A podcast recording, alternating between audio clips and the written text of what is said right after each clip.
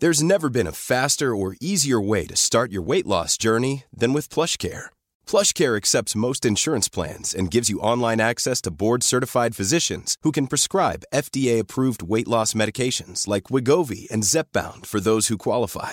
Take charge of your health and speak with a board-certified physician about a weight loss plan that's right for you. Get started today at plushcare.com slash weight loss. That's plushcare.com slash weight loss. plushcare.com slash weight loss. Hey, it's Paige DeSorbo from Giggly Squad. High quality fashion without the price tag. Say hello to Quince.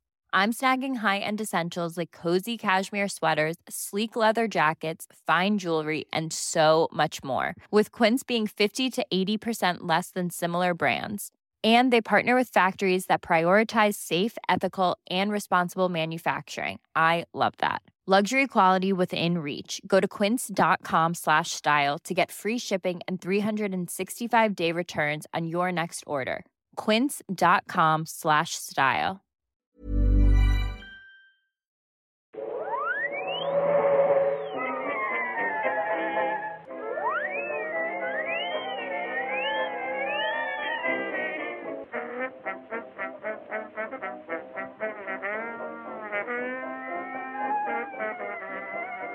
Då börjar jag bara. Yes! Välkomna till Nörden och jag, det är jag som är nörden Fabian Nordlander. Och det är jag som är jag, Viktor Engberg. Det här är podden presenterad av Moviesin.se där vi vanligtvis sitter och pratar nördämnen, nördkultur, ett slags bildande syfte där jag försöker bilda Viktor här i ämnen han tycker om, intresserad av, men inte vet så mycket om. Precis, precis så är det. Jag tror jag satte den här, det här är nog första gången jag satt det här Det felfritt. där var helt perfekt. Liksom, capture the moment. Det var det som var meningen. Canon style. Det var snyggt. På tal om det så finns ju också, vi- misslyckades ju fatalt förra gången vi spelade in. Det blev helt liksom bananas. Yes. Så vi spelade in den och, eller vi sparade det klippet och la upp det på YouTube. Eh, så att kolla det om, vi har startat en, en YouTube-kanal, jag vet inte hur mycket vi ska använda den. Men det kan ju vara kul i alla fall att kolla. Eh, lyssna på det klippet, det är två minuter bara. När vi riktigt fuckar ur. Ja, jo precis. Fick inte ihop någonting. Nej, det, det blir lite sådär när bara tungan knyter. Kn, knyts. Knyts. Knyts. Tung häfta. Ja, Så kallas det också. Hur är ditt liv Fabian? Mitt liv är bra. Vad skönt, vad bra. då? Hur är ditt liv? Jo men det är bra, det är bra. Det är bra. bra. Det är bra. Jag är mitt i så här sälja lägenhetstankar. Eh, eh, så att, eh, eller tankar, jag, det är fotat och ligger ute på Hemnet nu så nu jävlar, nu åker vi liksom. Så köp Viktors lägenhet. Precis. Ni får gå in och kolla på eh, Hemnet kring Gärdet där så finns det en bra, fin grej i Stockholm. Härligt, härligt. Ja, jag är ju typ samma sak, fast jag bara möblerar om så att det är bara kastat ut massa Det är förvånansvärt mycket man, man, eh, man, man slänger och håller på och fipplar sådär, men det för- märks ingenting. Jag förstår inte. Jag, för, jag kastar så jävla mycket skit och då slogs jag för jävligt mycket. Mhm. Alla nördprylar och även slåss för boxarna saker kom i. Och att försöka rationalisera med någon som absolut inget intresse för det med all rätt om att behålla dem, det Men vad är det för typ av boxar? Är det, liksom, det är det är inte DVD-boxar utan nu snackar vi liksom leksaksplast. Jo, nej, nej, precis. Tomma boxar där saker kom i. Så jag har en tom, så här, vet, jag köpte så här Jurassic Park Special Edition-boxen där den här T-Rexen kom. Mm. Fan, var är den T-Rexen någonstans? Nedpackad någonstans. Ehm, den Och du vill ha kvar boxen? Jag vet inte varför, men den var Varför fin. vill du ha kvar boxen? Jag inte, det känns dumt att bara slänga den. Nej, det är, det är plast och papp. Det är bara att slänga. Okej, och sen har jag några så här actionfigurboxar kvar, för de är också fina. En Varför av ska dem- du ha dem? En av dem har faktiskt några av de här, liksom man kan byta ut händerna och typ en annan Ah. mantel på Batman. Okej. Så att, eh, Tur att inte vi bor ihop. nej, nej, det hade varit total katastrof. Mm. Cataclysm. På tal om det och göra saker ihop. Mm. Så nu har vi nu infört, vi kanske är ovanligt pigga och fräscha under det här avsnittet. För vi har ju faktiskt gett oss ut för att börja röra på oss inför det här. Tidigare har det varit att vi bara gått ner till eh, insert valfri snabbmatskedja här.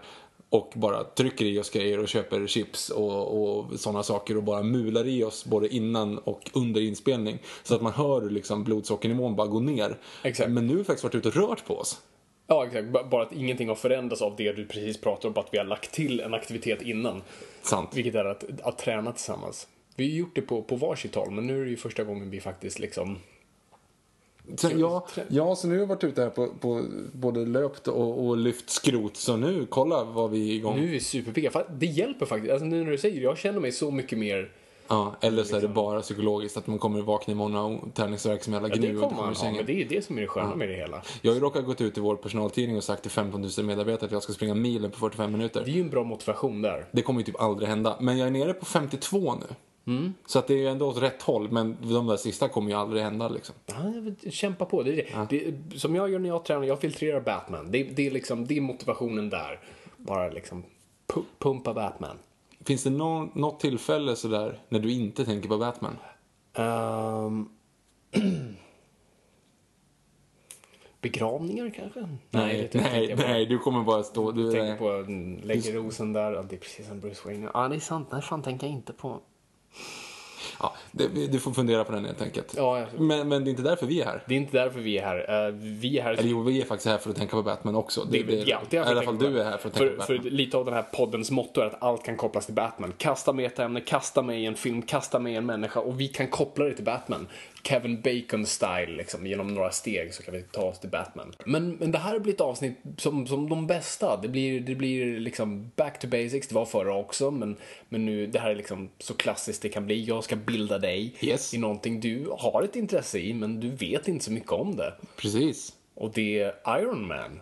Vi, vi gör ju nu de här... Vi bygger upp inför Civil War här, som, som kommer snart. Ja, den har ju haft premiär när den här kommer ut, men ändå. Det är sant. Eh, och jag kommer ha sett den. Åh, hej framtids-Fabian. Eh, men ja, vi har ju byggt upp inför det. Så förra avsnittet var Captain America. Lyssna på det om ni inte redan har gjort det. Det, det var fantastiskt för att jag älskar Captain America. Yes. Eh, och nu är det Iron Man. Yes. Och ja, så, så, så Viktor. Vi, vi, vi börjar som alltid. Vad är din relation till Iron Man? Ehm, ja, alltså om man ska vara helt ärlig, vilket kanske passar i det här poddformatet också. Jag visste ju inte vem man var förrän Robert Downey Jr-filmen kom. Och det är ju helt ärligt, jag hade aldrig hört talas utan Det var lite såhär, när, de började, när Avengers kom till och med, då tänkte jag i mitt stilla sinne här att åh, vilka B- vilka B-hjältar de har dragit ihop. Alltså för att jag hade liksom inte riktigt koll på det. Jag såg första Iron Man, tror jag, jag såg den inte på bio, men typ eh, 10, 2010 kanske. Och tyckte den var bra. Eh, och jag såg även Incredible Hulk, tyckte den inte var bra. Så att det var ju liksom, då var det såhär, nej. Och sen så, ja. Så såg jag Avengers och då var så här, nu förstår jag vad grejen är. Ja, och du behöver inte skämmas för det, för det, det känns som det är lite allas historia när det kommer till Iron Man. För att det var, det är en, vad man kallar en B-karaktär. eh, Som inte många alls visste om och det var filmerna som gjorde honom mainstream. Och nu, från att ha varit just en, en sån här B-karaktär till att nu, alltså vara Marvels nästan symbol. Han är deras Musse Pigg. Bredvid typ, eller egentligen tagit platsen från Spider-Man för Marvel pushar inte Spider-Man lika mycket längre eftersom de inte har haft rättigheterna i filmvärlden. Nu har de ju det, men, men, men tidigare. Är inte Musse Pigg Marvels Musse Pigg? Ja, nu är det ju det. Musse Pigg kan ju i princip delta i Avengers. Ja. Utan problem. Vad är grejen med Musse Pigg? Stackarn har inte fått... Alltså, man använder ju inte honom alls längre. Nej men han, nej, han är ju en extremt oviktig karaktär. Han, alltså, säg så här, nu, nu kommer jag få skit för det här mest från dig. Han är ju Superman typ. Alltså Han är, han är bäst på allt. Han är bäst på allt. Han är egentligen en ganska tråkig karaktär. Och för jag argumenterar för att Superman är en ganska tråkig karaktär egentligen. Men det är en annan femma. Eh, alltså han, han är bara till där för att finnas som en corporate sym- symbol. nu för men, i alla fall. Ja, precis. Men han, ursprungligen så var det så här, alltså, vad är, vad är hans karaktäristiska grej? Han, är, han kan allt. Han, Han löser glad, problem. han är liksom Ja. Optimis, optimisten i, i gänget. Nej, jag, jag har också alltid haft svårt för, för honom, och det var ju vi pratade om tidigare, att vi alltid föredrar Kalle Anka som jag skulle argumentera är typ Disney-universumets eh, Batman. Delvis också vi hade Stålkalle. Sen hade vi Darkwing Duck. Det var ju inte riktigt Det Kalle var, det var inte Kalle Anka. Nej, men det var ju Det var typiskt. annan. Det var ju väldigt lik karaktär, alltså en väldigt klumpig karaktär som, som hade ödet emot honom. Fan vad jag älskar Darkwing Duck. Har vi pratat? Ja, vi pratat Ja, massa nu om blir vi farliga. Ah, nu blir vi farliga. Darkwing Duck. Mm. Jag hade det på kassett, eh, det bästa avsnittet med Taurus Bulba. Just det, som du blandar ihop Som med jag någon. blandade, jag blandade ihop med någon annan. Sibulba. Sebulba, precis. Taurus Bulba. Uh, så det var ett jättebra avsnitt och jag hade det på, på, på band och jag brukade lyssna på den innan jag gick och la mig. Men alltså hade du sån här lyssna, ett lyssnarband, ett så här lite så här. Ja, ja, precis. Men när du hör det här ljudet. Ja, då är det dags att vända blad. Precis. Jag hade ju, fast det här har jag redan berättat, jag hade ju Star Wars eh, Episod 1. Just det, då var det R2D2 varje gång man... Mm, precis. Och det var då jag skulle också skriva, den första meningen jag lärde mig att skriva utan att veta vad den betyder var ju Luke var ivrig att hjälpa till. eh, När, vänta nu, om jag får bara gissa nu. När kan det ha varit i storyn om han var ivrig att hjälpa till? Det, det är väldigt konstigt, jag tror inte att de hade sett filmen, de som skrev den. För För var, han är kvar på Tatooine eller? För han Ja. var absolut inte villig att hjälpa till på Tatooine. Nej, han vill ju nej. allt annat än att hjälpa till. Han vill ju dra därifrån. Han säger till och med du måste stanna kvar en säsong Mm. eh, för att hjälpa till. Och han säger, nej. Nej, men fast det är dock i, eh, i eh, Mos Espa han säger det. Alltså inne på, när, när han träffar eh, Han Solo. Alltså de var ju så extremt förenklade. Hela den scenen, alltså hela den från att de går in på på eh, musikstället liksom, fram tills de åker därifrån var ju typ så här. De gick in på en bar som hette Mos Espa. Där träffade de Han Solo och Chewbacca som hjälpte dem att ta sig till eh, eh, Luke var ivrig att hjälpa till. Det var typ det som det stod. Det var ingenting om Greedo och vem som sköt först. Nej, det var det inte. För vi hade kanske kunnat Man hade kunnat lösa det, det lösa problemet där. där. Ja. Men tillbaks till Musse Pigg och Kalanka för att det Ja. tycker jag är en fascinerande Så grej. nu var det en sidetrack från en sidetrack. Precis. Men Kalanka är ju faktiskt Batman för han är absolut den mörkare karaktären. Han, han är på något sätt, som jag sagt tidigare, den perfekta protagonisten för att ödet är hela tiden emot honom. Alltså allting går ju hela tiden fel för honom. Han måste hela tiden se till att saker inte fuckas upp ständigt. Medan Musse Pigg är den som hela tiden livet le, ler åt. Men, men Kalanka går det alltid åt helvete för. Det var ju poängen med hans, alltså det var ju sensmoralen i stort sett. Bara allting går åt skogen. Uh, oavsett om du vill eller inte. Det är alltid, alltid älskar Kalle Anka. Och vi ska prata om Kalle Anka i ett separat avsnitt. Men, men inte idag. Idag ska vi prata om en annan Disney-symbol som nu är Iron Man. Precis, så Fabian. Hur eh, kom du i kontakt med Iron Man? Just det, jag också. Eh, nej, men samma sak där. Jag kände till Iron Man ifrån serietidningen. Jag hade aldrig läst en separat Iron Man-tidning. Han hade liksom dykt upp i någon Spider-Man eller Ja, eh, någon Captain America. Alltså, Avengers, no shit. Ja. Ja, Civil War allt det där. Så, att, så jag kände ju till karaktären men jag hade absolut ingen bild av honom så. För han kändes lite som en B-karaktär. Ja, Tony Stark, han är rik. Typ en lite såhär Bruce Wayne-karaktär som har en stor järnkostym och kan slå folk. Alltså det, det var i stort sett det. Så jag hade absolut ingen liksom stort fanskap eller, eller, eller, eller kunskap om honom. Och det, det är inte förrän filmen kommer 2008 som jag går och ser den. Ehm, och blir ändå så här, oh, men det var en okej film tyckte jag då. Jag tyckte det var en ganska generell superhjältefilm på så vis. Den, jag tyckte inte den gjorde någonting speciellt så. Men eh, det, det, det var min ingång. Ehm, så, så det var det. Och sen har jag läst lite nu på senare år när man är liksom, när han ändå är så populär som han väl är. men, men det börjar ju inte där.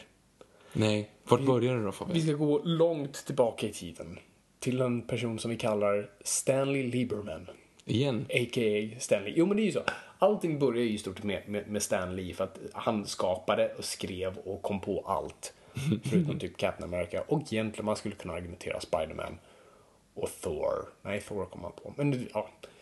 Han- Det är ju lite dispyter där vilka han faktiskt kom på. För att vi har Jack Kirby och Steve Ditko som faktiskt var de riktiga hjärnorna ibland. Men, men. Nej, men vi, vi befinner oss nu liksom i 60-talet. Uh, hippiekulturen börjar verkligen träda fram. Alltså, I början, jag tror runt 1963. Ja, precis. Eh, så hippiekulturen börjar träda fram, liksom det gamla liksom strikta, uh, liksom gråa 50-talet börjar gå ut tiden. Mad Men, människorna. eh, Jag kom in på, på säsong 5 nu by the way. Åh, Men- jävlar, det gick ja. fort. Ja, jag vet. Jag har Bra. bränt av dem ordentligt nu. så jävla bra serie. Ja, den är okej. Eh, Okej. Ja, Tycker du den är okej eller tycker du den... nej, den, den är bra. Jag är inte lika frälst som du. Okej, ja, ja. Det, det är fine, det är fine. Ja. Ehm, ja, hur som helst. Så, så, så att liksom, det korta håret och finrakade byts ut mot det långhåriga och liksom, hippa och skäggiga och väldigt håriga. Så mycket Men är ju inte så mycket hårigt. Nej, men det blir ju så att mer mer tiden, liksom, mer och mer hår. Jag tänkte säga Don, Don? John Hamm. John Hamm. Han är ju väldigt hårig dock. Ja, han är ju lite så här duhårig. Där kom den också. Ja, ja, precis. Ja. Jag kan identifiera väldigt mycket. Eh, så ja, ja. Precis. Så, så 60-talet är, är här i, i full rulle och Marvels universum är i, i full rulle. Liksom, efter deras reboot Uh, då de tog in Thor, Spiderman och, och, och, allt det där och det går, väldigt, väldigt bra. Uh, men Stan Lee vill göra en liten utmaning för sig själv. Uh, för att nu har som sagt hippiekulturen trätt fram och Vietnam börjar liksom börja bli en grej. Och han tänker, vad är det mest impopulära vi kan ha bland våra hjältar? Jo, men troligtvis en vapenhandlare, mm. en industrialist, en playboy, en riktig liksom asshole egentligen, som säljer vapen och, och, och ja, det är det han gör. Mm. Så han tänker, det ska jag göra den här karaktären och se om det fungerar. Och då kommer han på den här ja, då kom han på Iron Man i som är ganska lik det, det vi vet idag. Så han introducerades i Tales of Suspense nummer eh, 39. Och eh, där är i stort sett samma historia som vi känner till idag. Då är det Vietnam dock, han säljer vapen eh, mm. där borta. Eh, råkar trappa på en sån här booby trap. Du vet en sån här lina, du vet, och så går hans liksom, ben på det och så sprängs en grej och så får han då ett debris i sitt bröst som håller på att närma sig hans hjärta så han måste bygga en grej som håller allt borta. Okej. Okay. Uh, och, och, det är storyn. Och uh, den publiceras där och det blir en ganska populär karaktär ganska direkt. Det, det som är det mest förvånansvärda är att kvinnor faktiskt går igång på honom. Mm -hmm. de, de får jättemycket fanbrev från, från tjejer. Och uh, Stan sa det, alltså, vi fick aldrig fanbrev från tjejer då. Det bara hände inte, men av någon konstig anledning så var det Iron Man. Hans teori var att typ såhär modersinstinkten kickade igång hos tjejer nästan. Jag vet inte riktigt om det var fallet, men okej. Okay. det var hans tolkning utav det. Nej, men så det blev en ganska populär karaktär och uh, Först hade han den här ganska gråa kostymen. Alltså, de hyllade den i första Iron Man-filmen. Mm, jag, jag, jag, den, sett bild på den. han bygger i grottan. Den stod i stort sett ut så fast minus alla detaljer. Men en sån här grå jävla plåthink. eh, egentligen. Och det, och det är inte förrän bara några månader sedan man uppdaterar och, och gör en röd i Tales of Suspense eh, 48. Um, och, sen, och det är ju ungefär där han publiceras. Alltså, och det är inte förrän 1968 han faktiskt får eh, sin egna tidning då i Invincible Iron Man nummer ett. För som jag sagt förr, Stanley älskade adjektiv. Mm. Mighty Thor, uh, Amazing Spider-Man, Uncanny X-Men. Incredible Hulk. Incredible Hulk. Kan vi komma på några fler? Spectacular. Uh, Black Widow. Nej, alltså, jag vet du har ju The Fantastic Four. Alltså bara mm. det är ju, det är ju liksom det faktiskt teamet kallas också. Men, eh, så, han så Invincible Iron Man tycker jag är en av de tråkigare. Ja, den är dålig. I och med att han inte är så speciellt invincible. Mm. Men, men vad som föds här, och vad ändå jag tycker är intressant med Iron Man ändå, alltså för, att det är en karaktär som faktiskt har mer djup än vad man kanske tror. Det är för att alltså, den här ganska klassiska biten av att det är en man med ett väldigt mjukt inre som måste bygga det här hårda yttre för att på något sätt skydda sig själv. Han är liksom stark och hård Eh, som hjälten men mentalt väldigt bräcklig. Liksom. Uh, och hans psyke är väldigt skört.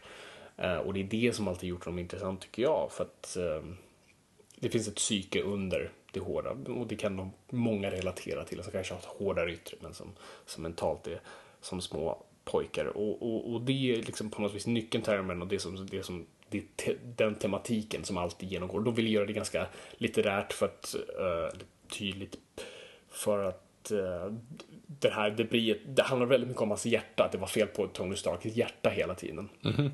I de tidigare.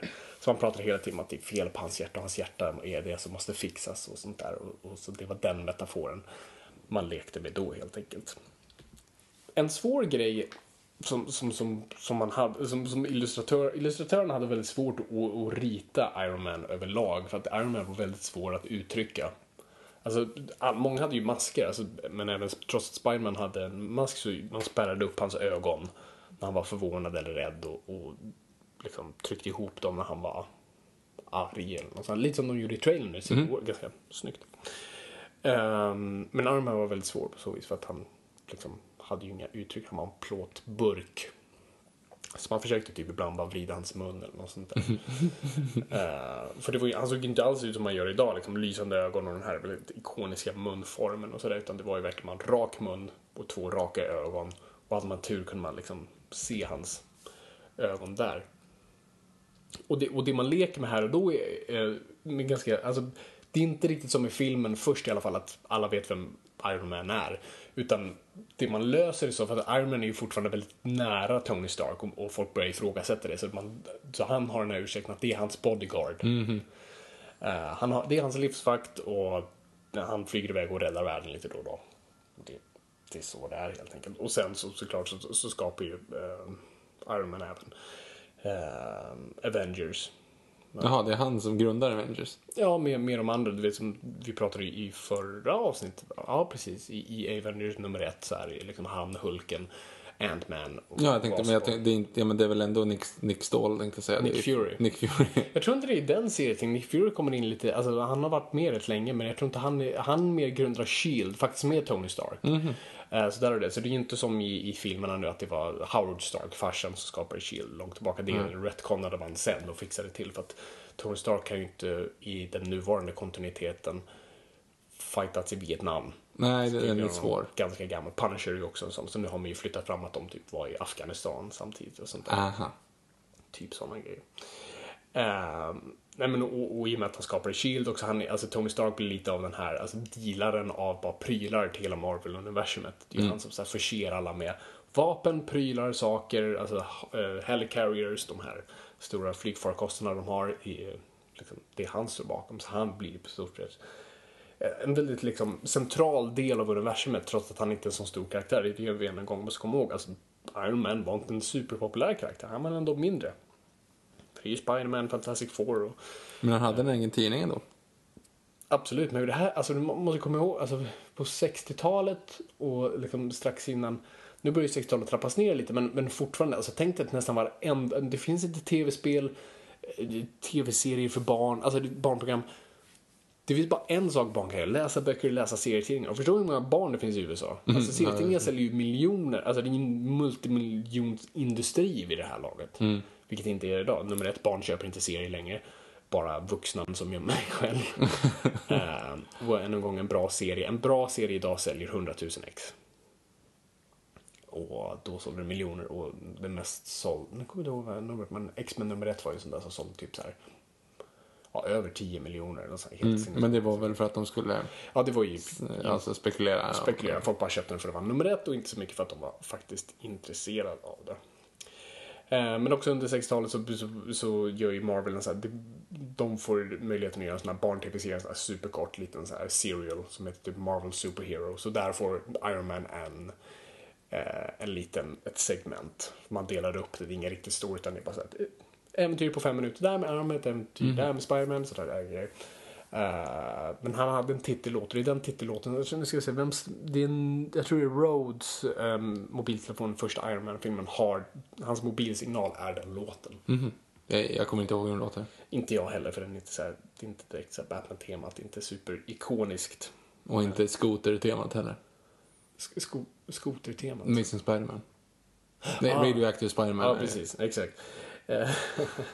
Nej, men, och, och sen när vi träder in i, i, i 70-talet, alltså det, det blir ju... Alltså, mycket förändras ju. Man, man, må, man måste ju deala med Man på ett annat sätt. Han är ännu en gång en vapenhandlare. Så man försöker, inte, man, man försöker inte gräva allt för mycket i det. För att nu är Vietnam en ganska big deal. Vi, vi gräver oss inte allt för mycket i det. Men ändå är Iron Man en ganska stor eh, symbol för det kalla kriget när man tittar tillbaka. För alla skurkar är i stort sett bara onda personer utomlands. Alltså The Mandarin är ju den onda orientalen. Som, Ja, just det. som så Black Widow vid det här laget är en skurk. Och hon är ju en rysk agent. Så det lägger sig nästan varenda av hans liksom, Rogues Gallery som inte är så superbra är Ja, alltså Ja, or, orientaler. orientaler, precis som man kallar det. Eh, så, så, men det man försöker under 70-talet, säga, okej, okay, titta inte så mycket på det där med vapnet och då börjar man fokusera sig på hans inre demoner och det är då det här, liksom, det mjuka inre börjar komma in allt mer. Man börjar liksom fokusera där att han är egentligen hans största fiende någonstans. Det är alltid han själv som kommer fucka upp det för sig. Alkoholismen börjar bli en grej, liksom börjar träda in långsamt men gör sig inte en superstor grej av det. Eh, John Romita, den väldigt kända eh, illustratören som är liksom super rockstjärna inom serietidningar. Han började på Iron Man, det var hans första serietidning. Eh, och sådana där grejer. Och det man börjar leka med nu är också så här, man börjar, några ställer sig frågan nu också, men varför inte Dr. Doom Iron Mans största skurk. Det är ju den perfekta antitesen till Iron Man. För det är en rik asshole med en järnmask men istället för te- teknik har han magi. Det är liksom en perfekt, det är en perfekt liksom, motpol. Nu, alltså Mandarin har ju lite samma princip också. Han har ju magi mot teknik också. Men, men Dr. Doom är ju faktiskt väldigt lik Iron Man.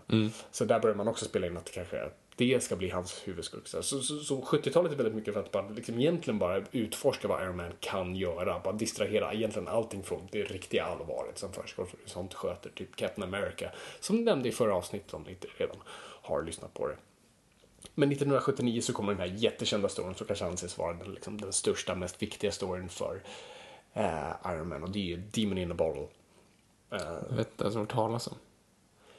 Nej, än en gång till Iron Man. Eh, det är inte Death of Superman direkt. Nej, men det, det var ju en story som, som handlar om eh, ja, Tony Starks alkoholism. Att, att han eh, i stort sett super bort sitt liv och där verkligen han är sin största fiende. Uh, och det handlar om hur han måste deala med det. För han, liksom, han är ju supersmart, super liksom, igång 24-7. Eh, men han har typ så här inre, han har en sån så här posttraumatisk stress hela tiden. Han mår liksom piss. Så han dricker mest för, inte så här för att skölja bort grejer, utan snarare för att det är då han kan tänka. Då det blir riktigt farligt. Så han börjar liksom, varje gång han, han måste tänka och vara fokuserad. Så han dricker för fokus, inte snarare för att här, komma bort från fokus som, som många andra gör. Och det gör det också rätt intressant hur man leker med det. Nu var ju inte de super intresserade av alkoholism och hur den sjukdomen fungerar överlag. Alltså, de ville inte ens göra en grej av det. De bara en stor story efter month. Det var ingen big deal för dem, men det blev en jättebig deal. Många kunde plocka mycket från det. Och sen den väldigt kända författaren Denny O'Neill, början på 80-talet, tar det vidare. För Denny O'Neill, som jag säkert nämnt tidigare i den här podden, var han som återupplivade Batman på 70-talet. Med Neil Adams. Bara tog bort det här Bam Pam Pow eh, och introducerade den mörkare liksom, detektiven som vi känner idag. Eh, och han hoppade till Marvel ett tag och skrev Iron Man och han hade ju själv haft problem med alkoholism.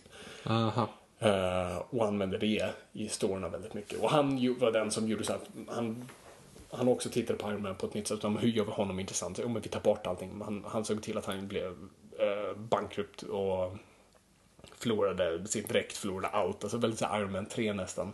Fast han har ju fortfarande pengar bara att han är exil snarare. Och alkoholismen träder fram igen och han typ så här um, ser till att en kvinnlig luffare föder ett barn på gatan och hon dör. Tror jag. Alltså, det blir väldigt mörkt under den här peri- perioden.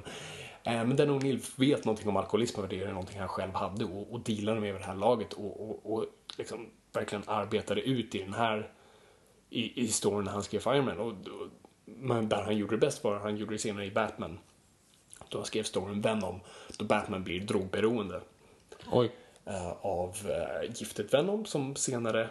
Vad, vad, vad, har jag sagt det Victor? Vad, vad blir Venom sen? Inte Spiderman-skurken. Venom blir väl...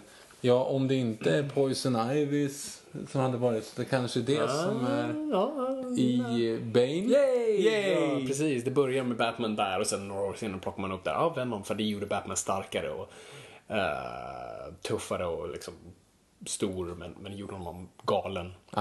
I stort sett, han måste sitta i sig, han stänger in sig i Batman-grottan och säger till Alfred så här, jag, jag liksom, stäng in mig här, hur mycket jag än skriker, ber, bönar, släpp inte ut mig för en, jag vet, inte, ett halvår.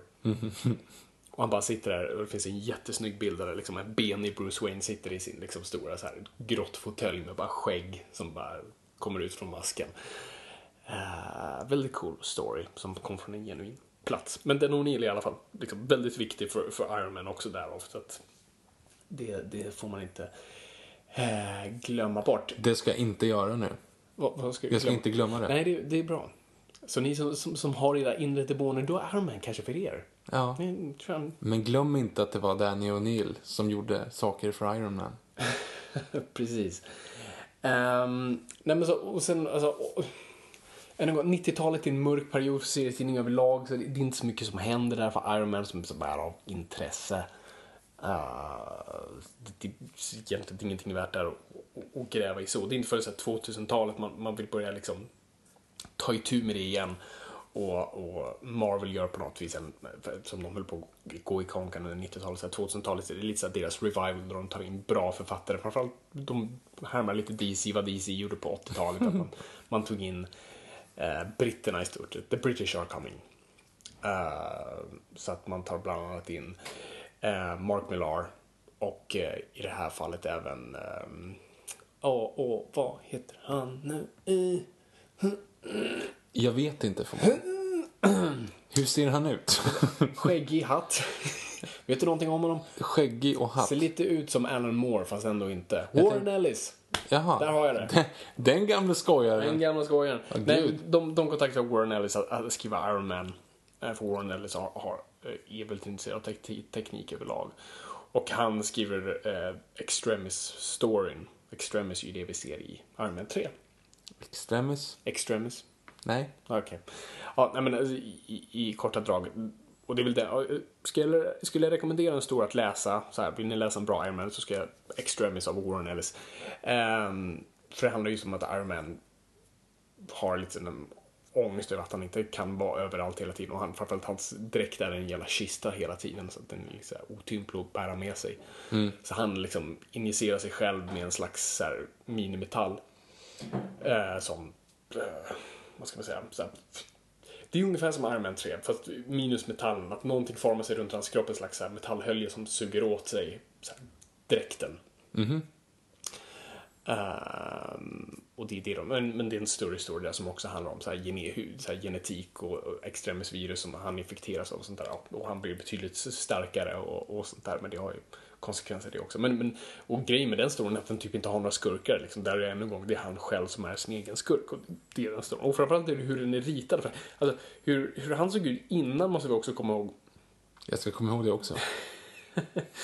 Eh, nej, men alltså, Iron Man hade ju Har du sett gamla illustrationer? Ja, men så här, gu- han har ju det gula huvudet och röda kroppen, men, men han ser lite mer ut som, ja, vad ska man säga, alltså som han ritade dödskallar i mellanstadiet.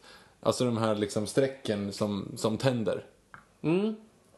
drygt, men det var ju liksom att han hade, han hade liksom en mask eh, och liksom ett plåtbröst, handskar och sen var det typ bara guld mellan som såg ut som muskler. Alltså det var ingen liksom så här gångjärn, alltså det var ing- ingenting som såg ut som en robotdräkt utan det var som, han, han tog på sig de här handskarna och så helt plötsligt var det guld mellan liksom, bitarna. Det var inte så intressant.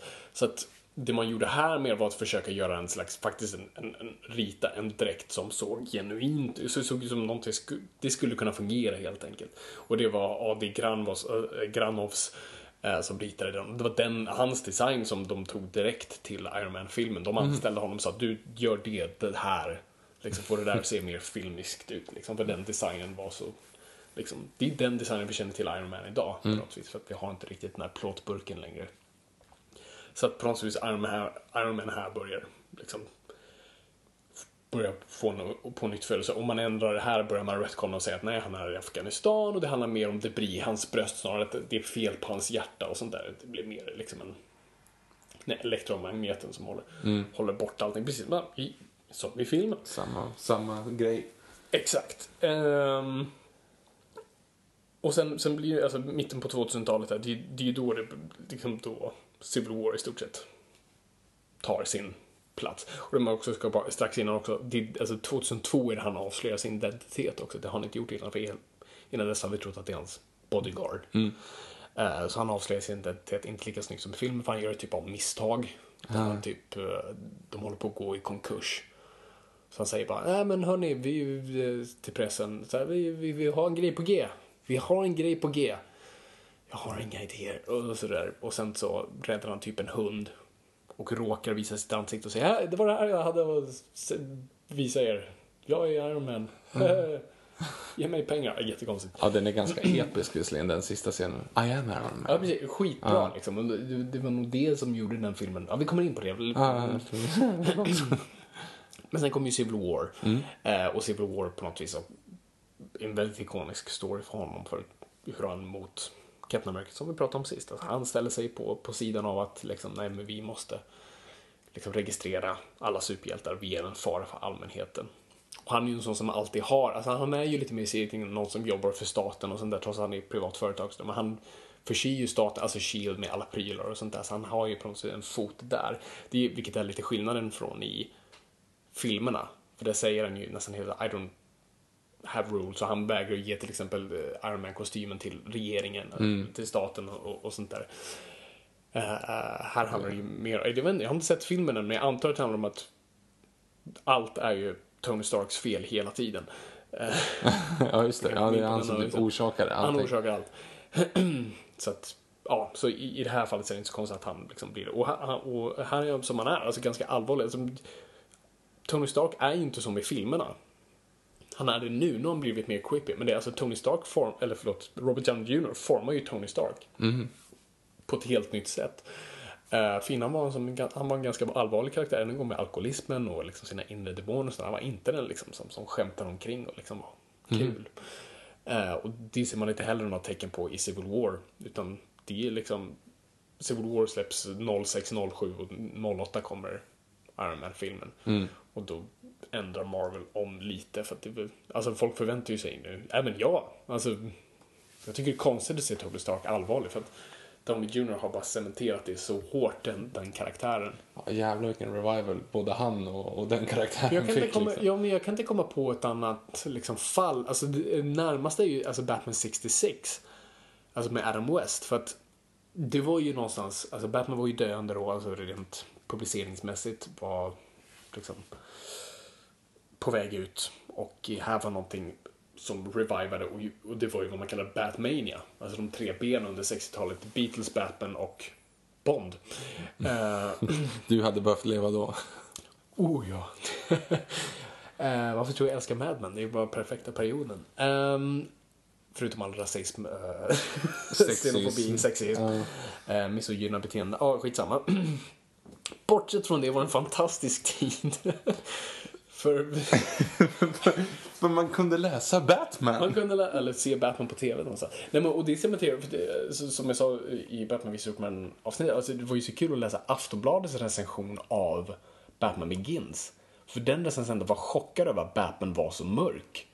Så, men, han drar inga skämt här. Den killen hade West i sitt huvud. Mm, just det. Ehm, så det präglar Batman både för gott och ont. Mest för gott faktiskt. Folk ser det som en mörk period i Batmans liv, men det, det är snarare tvärtom. Utan Adam West så, har, så får du inte Dark Knight Returns, så är det bara. alltså, han räddade det. Så that's it. Eh, så det är väl närmast, kan du komma på någon annan så här, superhjälte eller något sånt där? Nej, inte superhjälte. Jag tänker bara på en revival av en karriär som har varit helt åt helvete och sen så blir det hur stor som helst över en natt-grejen liksom. Eh, jag tänkte, fast det kanske inte riktigt var samma sak, men John Travolta i Pulp Fiction ja, Det var väl var också ju lite en Absolut. karriär, för Downey Jr var ju stor en gång. Eh, up and coming, Oscars-nominerad. Ja, och sen bara knarka bort det. Och sen så kommer ju den här som han typ inte fick speciellt mycket bra, han fick inte speciellt bra betalt för den till att börja med. För att de trodde inte på projektet, eller om det hade gått åt helvete så hade inte han varit speciellt dyr och, och gå åt helvete med. Eh, men sen så blir det så bra som det blir. Eh, en annan som också är lite på Iron Man-spåret, det är ju eh, Mickey Rourke fast då i The Wrestler istället. Ja, precis. Inte Iron Man 2. Nej, inte Iron Man 2, men, alltså, men i The Wrestler, för det var ju samma sak. Förutom att det inte blev någonting efter det. Det var ju det som var så Nej, jag, jag, jo det blev Iron Man 2. Ja, det blev Iron Man 2, så han fick väl lite pengar därifrån. Men han, det är det som var så fascinerande med det tyckte jag. För att jag undrar vad som hade hänt om han vunnit Oscar. Ja. Jag tror, jag tror om han hade vunnit den så hade det varit helt annorlunda idag. För jag tror folk såg honom, alltså det var så väntat. Alltså jag var också någon så här, han kommer ta det. Och sen vinner helt plötsligt Sean Penn för Milk. ja. Som för övrigt också är helt okej. Han var liksom. jättebra, inget fel på den, den, men det var ju liksom väldigt enkel, liksom så här, han, han gjorde en imitation av en person. Ja. Medan Mickey Rourke verkligen liksom gick in på djup, alltså med sina demoner och, och verkligen hittade en, en kärna någonstans som var svår att nå. Det var en riktig prestation, och du vet sin kropp och det var en väldigt fysisk roll. Alltså, Men, men samtidigt, det är lite så här, samma problem som eh, Burt Reynolds har. Ja. Eh, alltså, vem ska han spela? Vad, vem, vem ser ut, i det vanliga livet ute i världen, liksom, Mm, vem ser ut som Mickey Rourke? det, det är förvisso sant, men, men Alltså du kan ju liksom inte säga, du kan ju inte ha den snälla farfaren direkt. liksom, är, man får väl spöka ut honom som de gör i Iron Man. Och bara så här, så här, hår och skägg och allt annat. Man kan fan spöka ut honom med vad som helst. Alltså, eller som i Sin City, man bara massa prosthetics på honom. nej men då, fast den är ju innan Sin City innan. Wrestler. Ja, det är det. Men det var inte en revival. Så, alltså, det ansågs ja. absolut vara, det var lite som, alltså, vad Sin City var för Mickey Rourke var ungefär vad Kiss Kiss Bang Bang var för eh, Ja, Downey just det. Ja, snäppet innan. Ja, liksom, precis. så här. Ja, han verkar han kan ju faktiskt göra grejer. Ja, precis. liksom. Ja, nu, nu är han där. Nu ska vi kunna ge honom något stort. Eh, men jag tror fan, om Mickey Rourke hade vunnit den Oscarn så, så hade det varit annorlunda. För jag tror folk såg honom som den ultimata loseren. Inte på ett elakt sätt, men tyckte så synd om honom. Att man, du vet, när man, tyck, när man bara vill titta bort, du vet, man vill bara så här, nej, jag vill inte ta i det där. Jag vill bara inte liksom deala med det. För att det var ju så synd om honom. Han, åh, jag kommer ju, åh gud, jag mår bara illa när jag tänker på det. Men det är ju mycket sådana saker. Alltså många sådana tillfällen överlag som, som förändrar en, en karriär. Alltså, tänk bara, nu, nu, nu kommer jag inte på någonting som är helt klart. Jag kommer på väldigt många sportklyschor klyschor inom det här. ja, det är det Eh, du är här för. Ja, precis. Um, ska bara ett shout-out här till, eh, till Marcus West som eh, också lyssnar, en frekvent lyssnare på den här podden. Mhm. Som eh, hjälpte oss att, att kunna se, eh, eller hjälpte oss med research inför den här avsnittet. Ja, precis. Vi tackar dig så gott. Ja, eh, du vet vad vi menar. Eh, och Det lät väldigt... ja, det lät mysko, men ja, skitsamma, det är inte så intressant hur. Men tack för researchen i alla fall. Ehm, och då, så vi träffades idag och bara utbytte eh, några kommentarer. Det finns många på det här temat. Mm. Det finns många fotbollsspelare till exempel som man vet liksom, till exempel att de räddar en straff. En målvakt som räddar en straff. Ja. Alltså det är ju egentligen, de chansade åt rätt håll. Alltså jo, rädda en straff i fotboll. 50-50 Det är liksom, ja men inte ens, alltså, det är ju liksom bara du hoppar åt rätt håll och du råkar få en på handen. Och du blir hjälte för ett helt folk. Alltså så, så är det ju. liksom. men så, absolut. och hade du missat den, eller samma sak om du slår en straff. Den som slår straffen som målvakten gissar åt rätt håll. Den karriären kan ju gå sönder. Ja, jo, men det är verkligen det, det, det, är ju det som intresserar mig med de där straffarna. Jo, men, och det- det, det är handlar- två karriärer på spel. Och det handlar bara, det finns liksom till exempel jämförelse här, en, en kille som heter Valmir Berisha som, som spelade i, eh, i svenska U17-landslaget för tre år sedan när vi tog brons. Han var skytteligan i U17. Han hade inte spelat en sekund i Allsvenskan. Han spelade liksom i, i Halmstad som dessutom var ett dåligt allsvenskt lag i deras ungdomslag. Och sen så gör han då typ fem, match, fem mål på fem matcher eller vad det var i, i ett U17-VM. Och så gick han till Roma, en av de största klubbarna i världen. Han har inte gjort ett skit. Han sitter ju fortfarande på bänken i någon, så här, i någon nedflyttningshotad klubb i Holland. Och typ, alltså, han har vad inte hände gjort... då? Nej, han gick till Roma fick inte spela där för han var inte bra nog. Och så blev han utlånad till ett grekiskt lag, gjorde fyra matcher, var inte bra nog. Utlånad till ett holländskt lag nu som ligger sist i holländska ligan, han får inte spela. Alltså du vet, det är ju en sån här sak. Han, Men när- han lyckades ju... Men då är det det så här, hans fel eller är det för att Nej, man bara men då är det liksom- så han lyckades ju. Hade han, alltså det är ju åt andra hållet. Det finns ju jättemånga säkert som hade kunnat varit att ehm, har man bara lite tur så kan det bli vad som helst. Vi har en annan fotbollsspelare, Andres Vasquez till exempel. Det här, nu känner jag, du, det ser bara hur du zonar ut.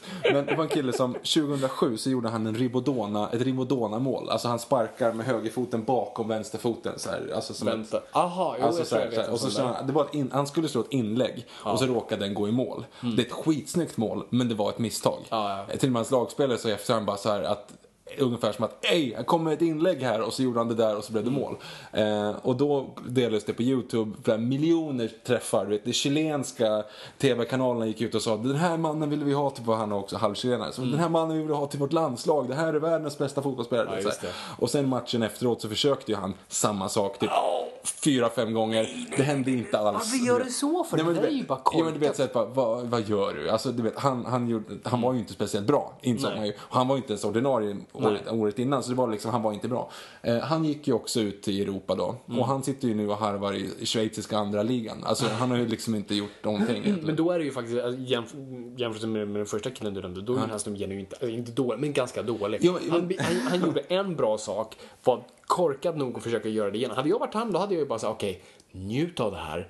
Lev med den här lögnen. Jo, men det och vart ju gör det inte igen. Jo, men Se till att missa de här chanserna. Bara, Åh nej. Det... Men det var tydligt så, för han blev ju liksom hypad. Han, ändå, även för det där målet. De kollade ju på det där målet och sen så var det inte jättebra scoutat. Mm. Alltså det finns ju hur många sådana där grejer som helst. Djurgården har ju värvat en kille för 13 miljoner också, en brasilianare som Har de ens råd med det? N- Inte nu längre, då hade de det. De hade vunnit allting. Curinho, Thiago Curinho. Kostade 13 miljoner, gick till Djurgården, gjorde ett mål på hörna mot Gävle första året. Alltså du vet, det var så här... Är han kvar? Nej, han är i Gonzales Sapporo nu Hur mycket sålde de honom för? Typ två och en halv. Oh. Men det är ganska bra ändå. Han gjorde en säsong så gjorde han det bra, men du vet, det var inte värt... mål. Ja, då gjorde han väl typ 7 på 12 matcher. Ja, Alltså, det är inte värt 13 miljoner. Nej, men, men det var någonting, de tog inte riktigt hand om honom. Han kom och så visade det sig att han typ satt upp om nätterna på Skype. Alltså du vet, det finns så här Vänta, vadå? sådana. Han satt uppe på nätterna på Skype. Det, det måste vara något mer. Han satt med porrstjärnor. Nej, men han, han, de hade väl inte riktigt tänkt då att det kommer typ en 19-årig kille från, Ja, eh, från, Brasil, från Brasilien och sen så har han liksom sin fru hemma, eller 20 vad han var. Mm. Så, och sen så insåg jag att okej, den här killen kan typ inte engelska och han har inga kompisar i Stockholm. Vi sätter honom ensam i en lägenhet här hoppas på att han kan vara bra på fotbollsplanen. Och han satt ju bara uppe hela nätterna och snackade på Skype. Ja, det det var typ det. trött. Och då gick det lite sådär.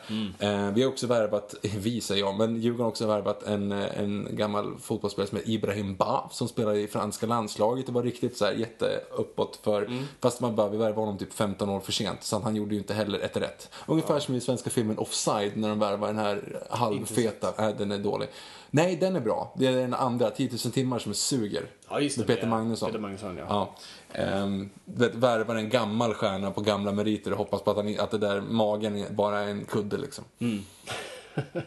Så det finns mycket sånt. men det jag tänkte komma till, det var ju, ja, men som du säger, för att återknyta till en sån sak. Alltså det, finns, det måste finnas så många karriärer som hade varit helt annorlunda. Alltså Anders Vasquez, hade han inte satt det där Ribodonan, då hade inte han troligen kommit utomlands för då hade han fattat att han var dålig. Eh, och det måste, måste det vara folk som har varit bra men inte kommit över det där steget liksom. Men tror inte du med den där killen, vad heter han, Vasquez? Vad sa du? Anders Vasquez. Eh, tänk om han inte hade liksom gjort den här supergrejen och, och gått dit, utan snarare fått växa långsamt. Mm. Ja, då kanske det varit helt annorlunda. Hade varit en ny Ibrahimovic liksom. Ja, kanske inte. Men ja, jag förstår vad du menar. Ja, men självklart, så är det ju. I princip. Alltså. Ja, och det är ju lite grann så som de sa med, eh, för att återknyta till film, Ja, det, är det vi gör här. Bill Skarsgård var det väl som var nominerad till eh, vet, Guldbagge, bästa manliga huvudroll för eh, I rymden finns inga känslor. Det tror jag säkert. Och, att den filmen är dålig. Ja, den är dålig. Då, då gick ju, eh, kom- nu kommer jag inte ens ihåg vem det var bara verkligen, så därför. här, verkligen så här, vad ska man säga? Kinnaman va? Eller Kinnaman heter han Kinnaman, kanske. Var han med den? Nej, men han vann väl... Eh, jag får att han vann eh, Guldbaggen för bästa, vad det nu var. Huvudroll för Snabba Cash eller? Nej, ja, det, är för, det måste varit Snabba Cash. Snabba Och, Cash eller, han var, jag vet att han var nom- nominerad för Johan Falk, men jag tror inte han vann. nej, nej, jag tror... Eller jag vet fan, skitsamma i alla fall. Jag tror att det är han. Ta mig inte på orden. Vi, vi googlar ju inte, vi kan podda utan Google som vi också har vår underline här på Ingenting är för nördigt. Eh, men då går de ju upp och säger liksom tack juryn och tack, eh, tack juryn för att ni valde mig och tack juryn för att ni räddade Bill Skarsgård karriär.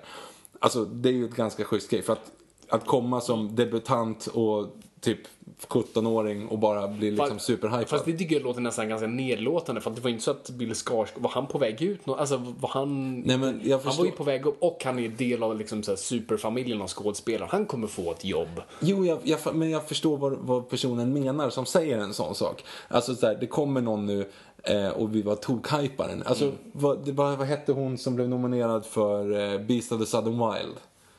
Ja, väldigt svårt namn att Ja, uttala. men hon i alla fall, lilla flickan som var typ sju år. Ja, exakt. Alltså, tänk om hon hade, och vad är hon idag? Alltså, om du tänker utifrån den Hon gjorde en karriärsgrejen. remake på musikalen Annie som floppade. Ah, okej. med Cameron Diaz. Men på tal också det, är ju rädda någonting. Det var ju också det som var så sorgligt med Mickey Rourke-biten för att man såg på Sean Penn att han inte ville vill vinna. Liksom. Han har ju vunnit, jag tror, en eller två innan. Så att han, han behövde inte vinna den här. Så här, mycket av hans handlar ju om så här, Mickey Rourke, Mickey Rourke, my brother, liksom. Och allt det där. Och ville hylla hans comeback på något vis. För att, så här, jag tror han mådde piss fått den. Ja. Nej men det blir, det blir ju en sån sak. Alltså det måste ju finnas så många livsöden som är en skillnad. Och det kanske är det. Det kanske är det att du har liksom kommit i kritan. Mickey Rourke, han hade kunnat varit liksom den mest största i världen idag. Robert Downey Jr.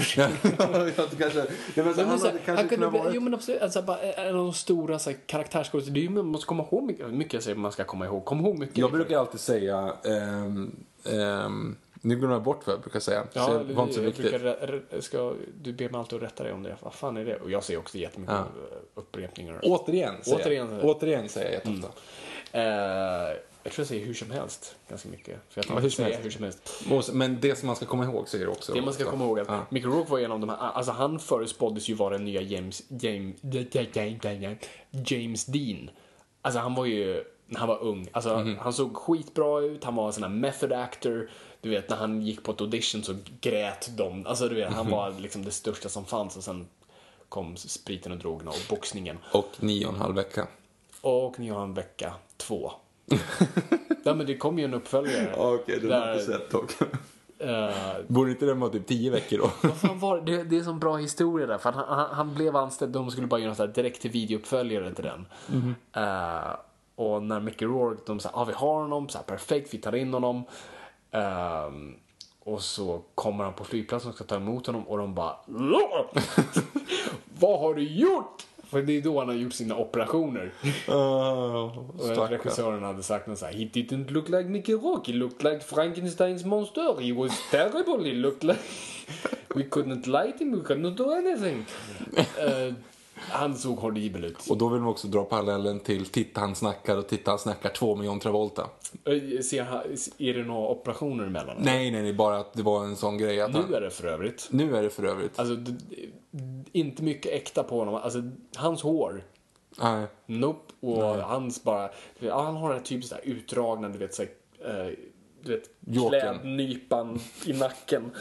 Ehm, Så det, gud vilka sidetrack, sorry. Ja, det- nu är det sidetrack på ett sidetrack på ett sidetrack typ. Exakt, det, alltså vi är podcastens inception. Ja. Så, verkligen så dream and a dream and dream and dream. Allt sånt där. Hur som helst, Iron Man. Så, så hur ofta har någon annan kopplat eh, Mickey Rourke till Valmir Berisha och Andres Vasquez? Hur? Hör av er på hashtag Norrpå. Om någon hade gjort det tidigare, eloge till er. Ehm, verkligen. Men, men.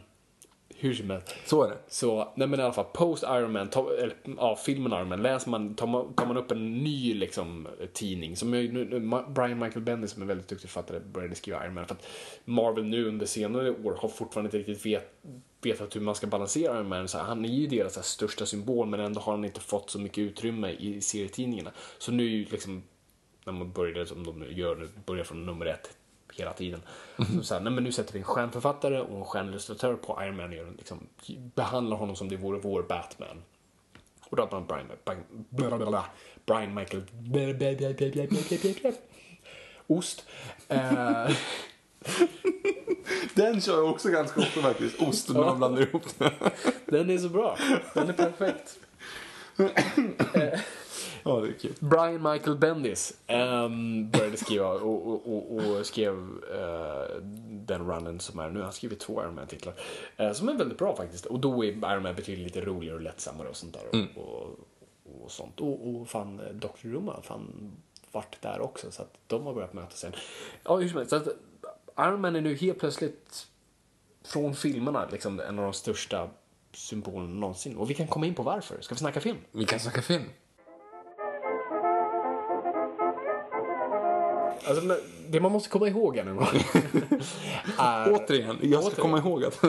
För er som har missat tidigare avsnitt, gå och lyssna på vårt Marvel-avsnitt eh, som vi spelade in eh, för ett år sedan kanske. Ehm, ja, just det. Ja, just det, med Johan Mallo. för att, exakt. Eh, för det som hade hänt Marvel under 90-talet var att de höll på att gå i konkan så att de sålde vilt och fritt hela sin, alla sina rättigheter. Spiderman, X-Men, Hulken, you name it. Studios där Iron Man bland annat ägdes av New Line Cinema. Ehm, och man i stort sett bara ville ha pengar, det var bara det. Och på den tiden var det inte så att man, alltså Marvel hade ju inga ambitioner att ha en studio, alltså de, hade ju, de kunde ju inte driva en filmstudio. De hade en studioavdelning som drevs av Stan Lee bland annat, men det var ingen ambition att driva någonting helt själv.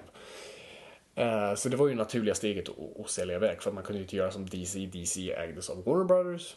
De kunde finansiera och distribuera helt själva. Men Marvel spred helt ut sina grejer för att det var inget universumtänk utan bara gör film, gör film. Ehm, men sen så hade de börjat inse allt mer och mer att alltså Marvel-film blev väldigt populär. Alltså X-Men och framförallt Spiderman var ju enorma franchises som drog in massa pengar. Så, så Marvel får ju mycket av de pengarna också för de är mer producenter. Men de känner med typ X-Men Last Stand, Spider-Man 3, Nej. med Tango Spidey. eh, är att de inte känner att deras karaktärer representeras alltid så väl. Hulken också är ett litet misslyckande. Och sånt där. Fantastic Four, alltså du vet. De är lite bittra på... Nu är som, som ett företag så här, här säljer vi de här serietidningarna som skrattas åt där ute. Eh, Så de börjar mer och mer fundera på, ska vi faktiskt kunna driva vår egen studio? Att med pengarna vi drar in från de här grejerna kunna faktiskt... Vi finansierar oss helt själva, men sen väljer en distributör, men som inte får rättigheterna till grejerna. Eh, så de planerna börjar kokas ihop, så de börjar i stort sett sätta upp så okej, vilka karaktärer har vi? Okej, ja, vi har inte X-Men. Vi har inte Fantastic Four, Spider-Man. Hmm, alltså de liksom största av det de har och sen många fler karaktärer ute och flyter. Sen så okej, vilka har vi? Ja, vi har Iron Man, vi har Captain America, honom sålde vi aldrig. Uh, Hulken får vi göra så länge eh, Universal får distribuera och vi pröjsar för det.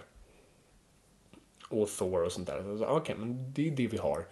Så de tänker, men vi, vi, fan, vi startar vårt eget filmuniversum. Liksom, vi, vi, vi, vi sätter ihop de här och, och Alltså det är inte så mycket stort tänkt runt Avengers. Det är, det är typ en dröm, men det är ingenting som känns realistiskt för det här laget. Så de känner, okej, okay, men vi, vi, satsar nu allt på att, på att släppa ett par filmer och se vad som händer.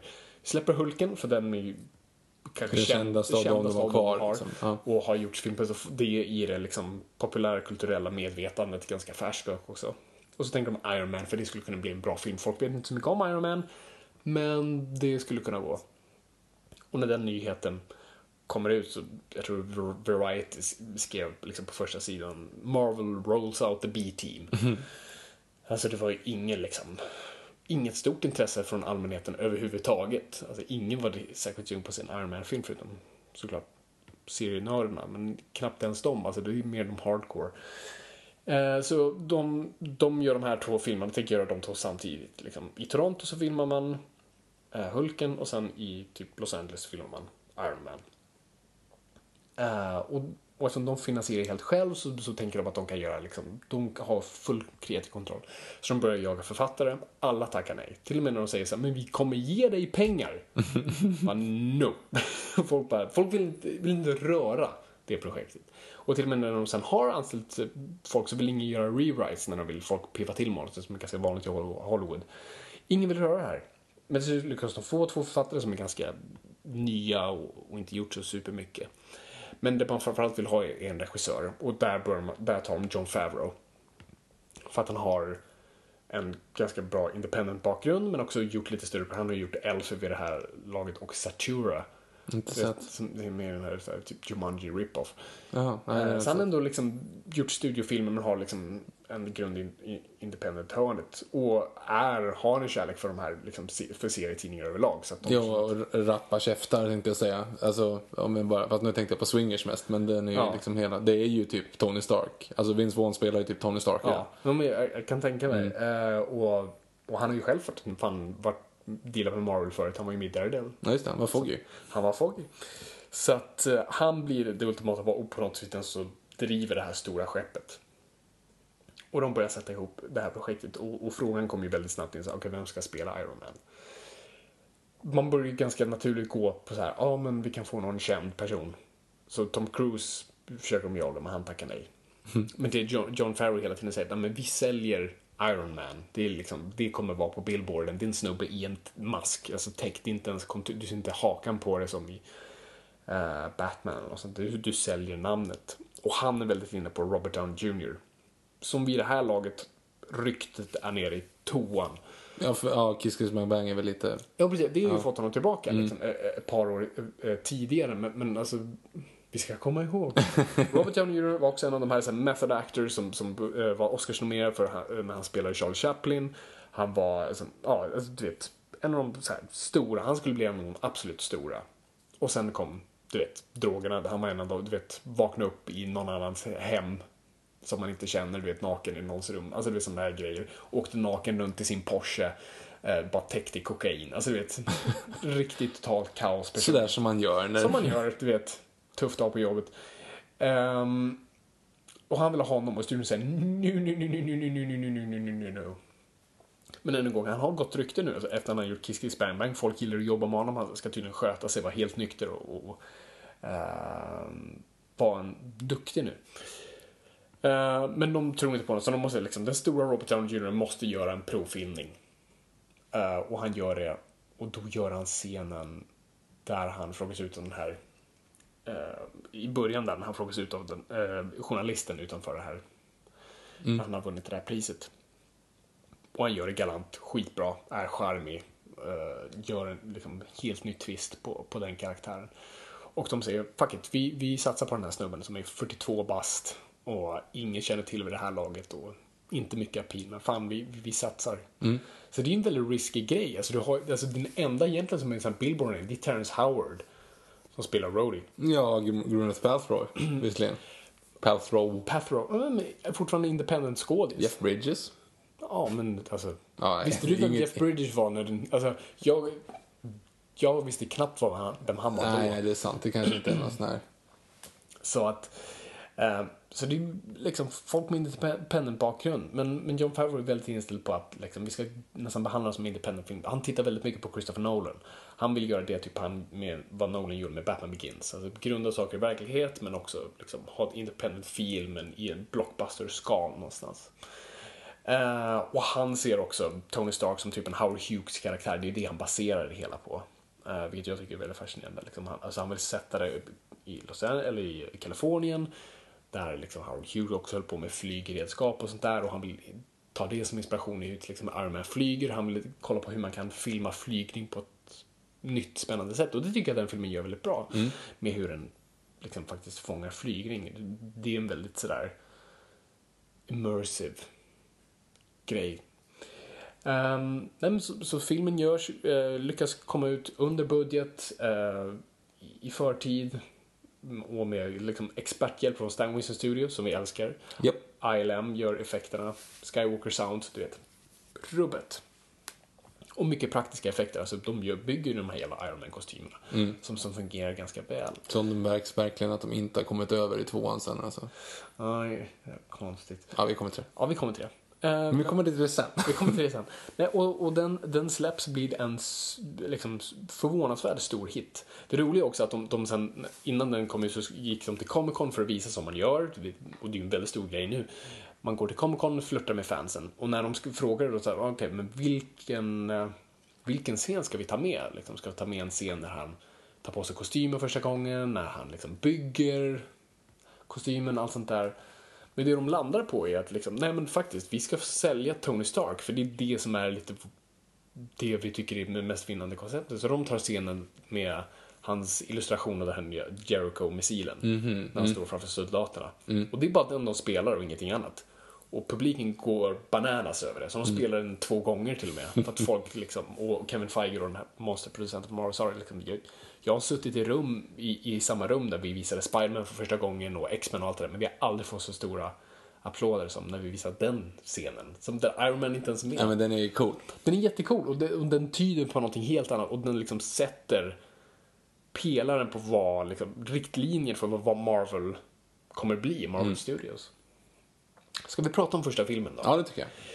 Jag kollar om den nu och insåg fan hur bra den är. Ja, men jag, jag, jag är precis samma. Det, det är vanligt i den här podden att vi sitter och håller med varandra. Men jag tycker att, det är, att den är riktigt, riktigt bra. Eh, jag tror att frågan är om den är bättre än, än Winter Soldier. Nej, det kanske Nej, inte är. det Men, men den ligger där uppe Men i alla den ligger fall. absolut där uppe nu. nu blev det, där för jag uppe. insåg inte liksom hur bra ihopsatt den är. Alltså den är liksom mästerligt bara så här. Mm. Det, allt är nästan, alltså den kun, alltså det finns vissa problem med den men alltså mm, 80% av den är så här, du kunde inte göra vissa saker bättre. Allting sitter så perfekt. Toit. Vad sa du? Toit like a tiger. Eh, vem kunde den referensen? Eh, sorry. Um, I love gold. the smell of the taste of. Förlåt, fortsätt. Sorry. Ehm, ja, hur som helst. Ja, precis. Uh, nej, men allt sitter så perfekt i det tycker jag. Eh, vissa saker, alltså, de flesta saker kunde inte ha gjorts bättre. Bara casting, effekt, jag menar, liksom, du, du vet, så här, Be- det är som Beatles. Du vet, Beatles fungerade bara, alltså, det var perfekt för det, alltså, de är ju tidlösa men vet, de kommer i en perfekt tidpunkt. Du vet, de hade inte kunnat kommit lite innan eller lite efter, då hade det varit för sent eller för tidigt, men de kom precis då det behövdes. Och det är lite så jag känner med den här Iron Man. Var perfekt, för, för samma år släpps Dark Knight också, som kör över den här rent box office-mässigt och Japp. absolut en bättre film. Men, men, men här på något sätt visar Marvel att vi är en helt annorlunda universum och, och, och i form av filmskapande överlag och sånt där. Och, och typ, jag, jag bara, den, den påminner mig liksom om typ så här det är inte samma kaliber så, men, det påminner mig om Indiana Jones när jag såg den och typ så här Star Wars. Alltså det känns som en väldigt ikonisk så här, Ja, men man förstår varför den är stor. film. Ja. Och jag tror att vi kommer se liksom, om 10-20 år folk som kommer då vara i vår ålder säga så här, nej men det var min, så där, det var min Indiana Jones, det var min Mm. Bond.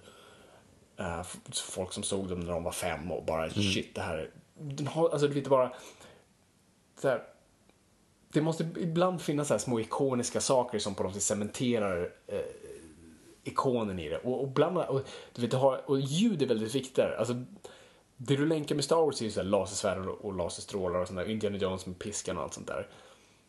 Och du har ju lite samma sak här med Iron Mans, alltså hans hand, vad ska man säga, kanon. Den här- Eh, Det ljudet, hör du det så vet du exakt vad det är. Ja, jo. Jag är med. Eh, och det tycker jag bara, det är bara en sån liten detalj tycker jag är sådär, ja, då, då vet vi vad det är och du kan spela det vad som helst och du vill ha, kunna ha det ljudet och, och allt annat. Uh, men, men allt sitter så, så bra med den och, och, och, och, det som är så, framförallt så bra är att hur den är så karaktärsfokuserad. Alltså Iron Man t- träder inte in för typ en timme plus. Ja, och då är det ändå i, i en stålburk. Alltså det är ju väldigt långt fram innan det faktiskt blir Ja. riktig Iron Man. För Favreau gör en jättesmart sak där. Han börjar ju med en flash forward. Genom att vi är i konvojen där som exploderar. Och bara shit, vad fan hände där? Och absolut, Tony Stark är charmig och sådär. Men sen klipper vi då tillbaka i, i tiden. Och där lär känna karaktärerna. Och där på något vis säger vi till din publik liksom. Stanna med oss ett tag. Snart, snart, kommer det. Liksom. Ja. Ni, ni har sett Iron Man på posten, det kommer. Det är det vi säljer, men, men, men lita på oss här. Typ som You Won't Like Me When I'm Ang Lee gjorde fast fel. Ja, fast väldigt fel. För de karaktärerna var inte alls intressanta. De var bara riktigt gnälliga och tråkiga. Ehm, men här direkt köps du av Robert Downey Jr. Som gör liksom, han gör den rollen sin. Och som sagt, han gör inte Tony Stark från serietidningar. Han gör sin grej. Han är väldigt mycket Robert Downey Jr. som Robert Downey Jr. gör. Väldigt mycket det här snabba pratet och väldigt så här, eh, det han gör.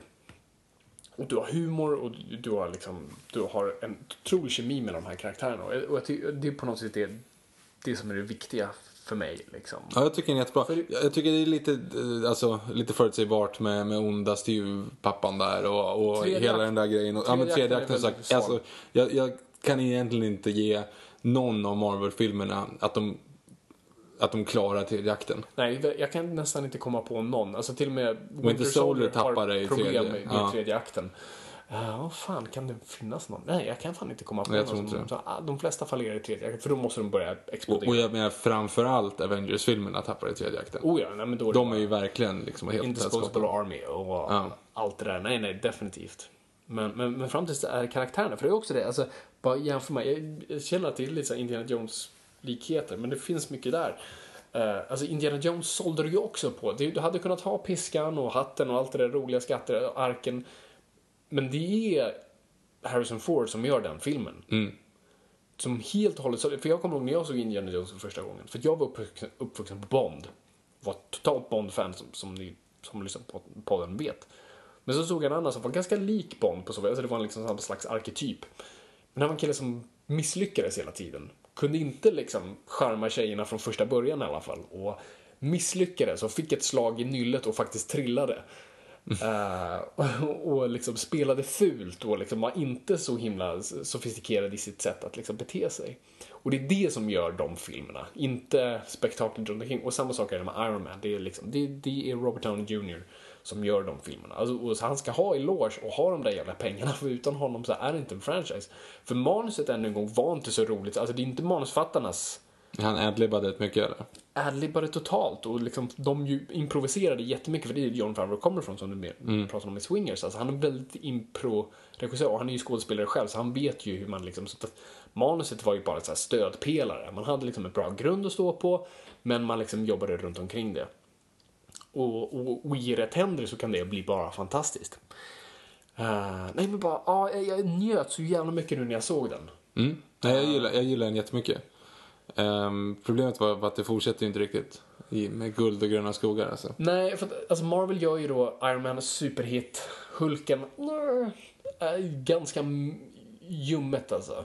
Ändå så här, men det är ändå med eh, Tim Roth och, och Edward Norton och liksom lite på riktigt Liv Tyler va? Liv Tyler, absolut. Alltså det är ändå liksom ganska box office namn eller i alla fall liksom legitta namn. Men man glömmer bort den. Alltså när man, Glömmer man det, summerar Marvel-universumet så glömmer man bort det med sin Absolut, mig, Hulk. Marvel vill det. Eh, för att vi tänker att Marvel är, är felfritt, men de har ju haft verkligen de här liksom, felen. Och, nej men alltså, det, ja, vi, vi är inte här för att recensera den. Men, men jag tror vad den bevisade var att så här, fan, du kan nog inte göra en Hulken-film. Hulken är en biroll, dessvärre. För att du kan bara göra så mycket med en snubbe som blir arg. och slå sönder saker. Nej, men det, alltså, han fungerar skitbra i Avengers, men det är för att han är en liksom, biroll. Framförallt funkar han bra i eh, Age of Ultron som i övrigt inte fungerar speciellt bra. Nej. Eh, för, förutom också romansen mellan han och Natasha som är Nej, nej, nej, nej, nej, men det är Mark Ruffalo, det är inte Hulken. nej, nej, nej, precis. Ehm, nej, men så, så jag tror Marvel här blir lite skraja liksom. Så, ja, vi har en hit men vi har inte liksom. Så det tar ju ändå två år då innan nästa film rullas ut. Så det är inte att det här är som vi ser nu, att de rullar ut två, tre filmer om året, utan de är väldigt försiktiga vid det här laget. Så att då, då lägger de typ allt krut på Iron Man 2, vilket är problemet. Så de försöker bygga ett universum på en film. Ja, nej, det funkar. Så att de tar in, eller snarare Robert Downey Jr. ser till att ta in Justin Theroux på manus, som jag tycker är en väldigt duktig författare som skrev Tropic Thunder då bland annat, jobbat mycket med Ben Stiller, det är en skådespelare. För er som läser tabloids, det är han som jag tror är tillsammans med Jennifer Aniston. Vem är tillsammans med Ben Affleck nu då? Han är inte tillsammans med någon kanske? Jag vet inte. Ja.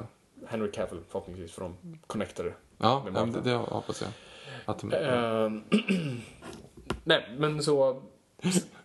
Förlåt, förlåt, en, jättesnabb sidetrack. Har du sett det, det eh, South Park-avsnittet när Butters går omkring och är, och är eh, förbannad? Uh, jag tror inte det. Han går bara omkring och tycker liksom att livet är piss, att ingenting stämmer, att han är arg på allt och alla. Okej. Och då är han ju framförallt arg på Ben Affleck.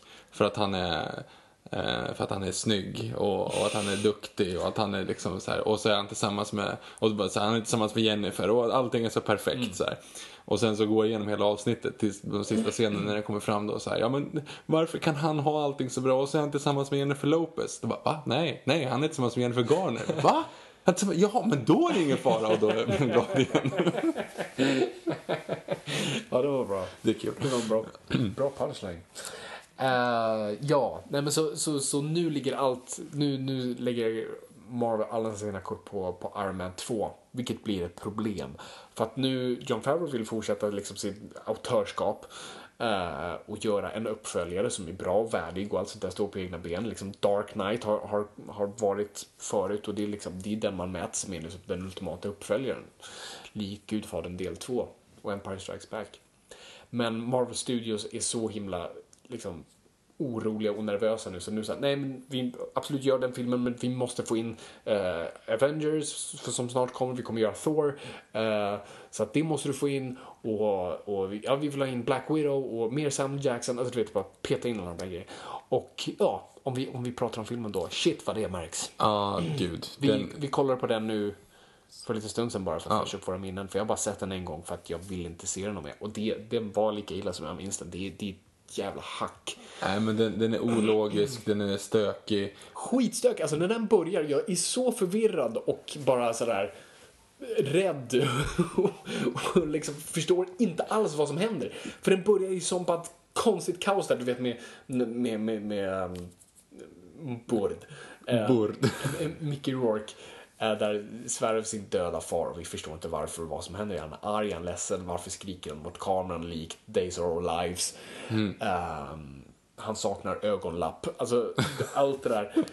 Och sen så klipper vi till den här då expo-scenen som- där Tony Stark bara är för, alltså det, hela den här filmen är han för rolig. För det känns som att säga, ah men shit, det folk gillade med den förra filmen var att han var rolig. Så nu skriver vi in de roliga sakerna. Så inte nog med att du har ett roligt manus nu, nu har du även Robert Downey Jr som gillar att adlibba. Ja, det- Så det blir så här, man ser att han inte är under kontroll. Han liksom drar hela tiden massa skämt och den här senatorn som säger fuck you Tony Stark, fuck you. Alltså det vet jag, jättekonstiga grejer.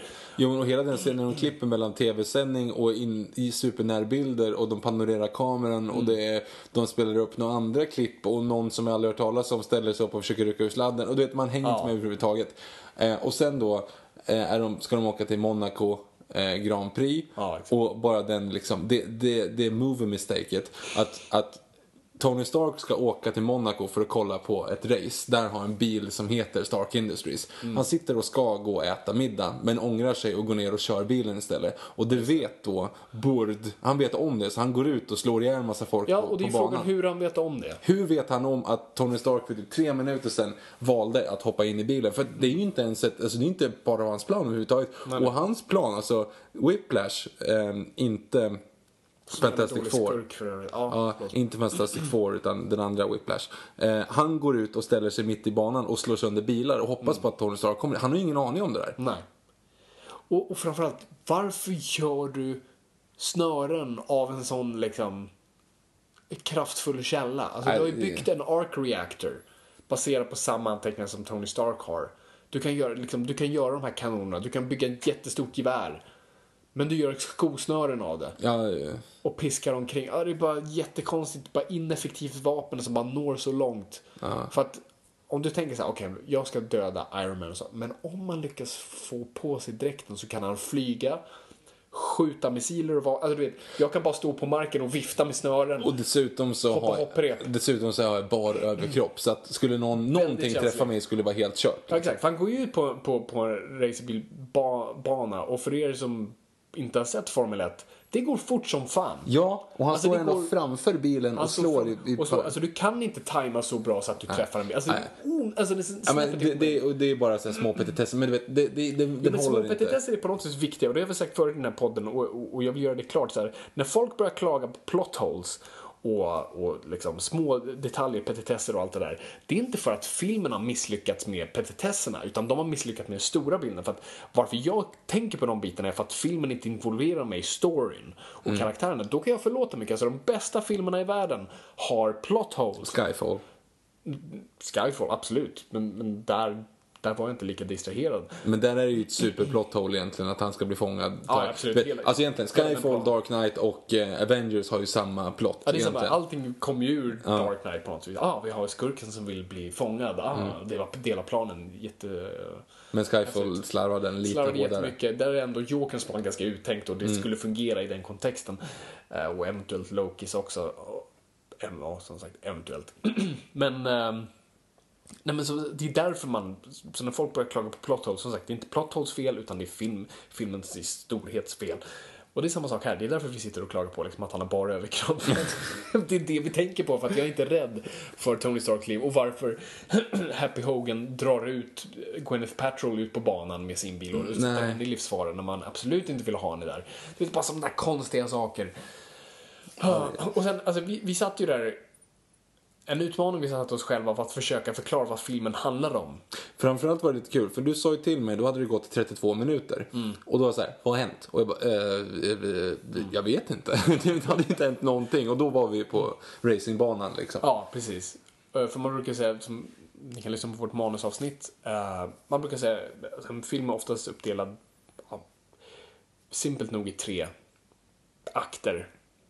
Andra akten brukar, in två timmar, den här är exakt två timmar, så då brukar andra akten träda in efter 30 minuter, särskilt i Hollywoodfilmer, ganska enkelt. Så efter liksom 25 minuter, en halvtimme, då borde jag ha en liksom, så här, idé om vad filmen handlar om. Och här är man verkligen bara, jag vet fortfarande vad filmen handlar om. Handlar om, handlar om att då My Burd vill hämnas på Tony Stark. Nej, vänta. Okej, alltså Tony Stark är sjuk. Okej, okej. Och staten vill ha hans dräkt. Men de vill inte ge den. Okej, okej. Och sen har den här andra liksom, rika snubben som, som, som vill bygga sina dräkter. Det- du vet, det är 500 stories samtidigt. Och, förstår, och samtidigt försöker de klämma in liksom Black Widow i en lika svårt som i en dräkt som i filmen. Alltså, Nej men det är så jävla konstigt. Och sen så slutar det då med att, att, att han den andra, alltså Billy the Kid, hans företag är typ samma som staten. För när han får, när, när Don Cheadle får Cheadle, Don Cheadle. Don Cheadle får den andra Iron Man-dräkten, då får ju Billy the Kid den också. På den vänster. Alltså du vet, så han är Mm. det- staten, den- eller va? Jag vet inte, den, den scenen är jättekonstig. För övrigt är ju, är ju, är Terrence Howard borta nu. För att han gillar inte kontraktet. Och tydligen också varit lite eh, rykten om att folk inte gillade honom också. Eh, så att han var ganska medvetet utskyfflad. Men han, alltså, de, han ersattes av en mycket bättre skådis. Don Cheadle är tre gånger tusen så mycket bättre skådis och bara passar så mycket bättre som War Machine. Eh, men i den här filmen är han inte så bra för att han får så mycket att jobba med. För det han gör då, det är att han snor Tony Starks Mark 1-kostym. Mark 2. Nej, det är Mark 1. Nej, det är Mark 2. Mm. Helt rätt. och sen tar han till då konkurrenten. Som ska slänga in vapen i Som byter vapen med honom och inte för personligt utan han gör det med sin liksom befälhavare. Så i stort sett så smugglar han ut vapen, ger det till en annan snubbe för att ta emot vapen till armén. Som så här, det är ju terrorism! Ja, det är ju terrorism. Det är Isis! Alltså, Men det bästa är ju ändå när de ska ha den här, för det är ju två stycken rivaliserande företag, vapenföretag. Och så är det ju så att eh, de Bill Kid, referens till Bill Kid är att han spelade en, en karaktär som heter Bill Kid i Gröna milen. Det var långsökt.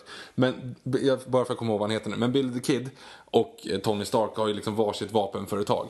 Eh, Och då vill ju Bill the Kid ha eh, Tony Starks dräkt. Så att han får ju då chansen då när, när Don Cheadle stjäl den, stjäl den så tar han den och utrustar den och presenterar den som sin. Det är med andra ord precis som att, att Bill Gates skulle gå upp på scenen liksom nu och säga bara så här: jag vill presentera en ny telefon. Och så visar han en, en iPhone där har dragit en tejpbit för Apple-loggan och satt på liksom en, sån här, en, en liten klisterlapp med en smiley Exakt. på liksom. Nu är det min.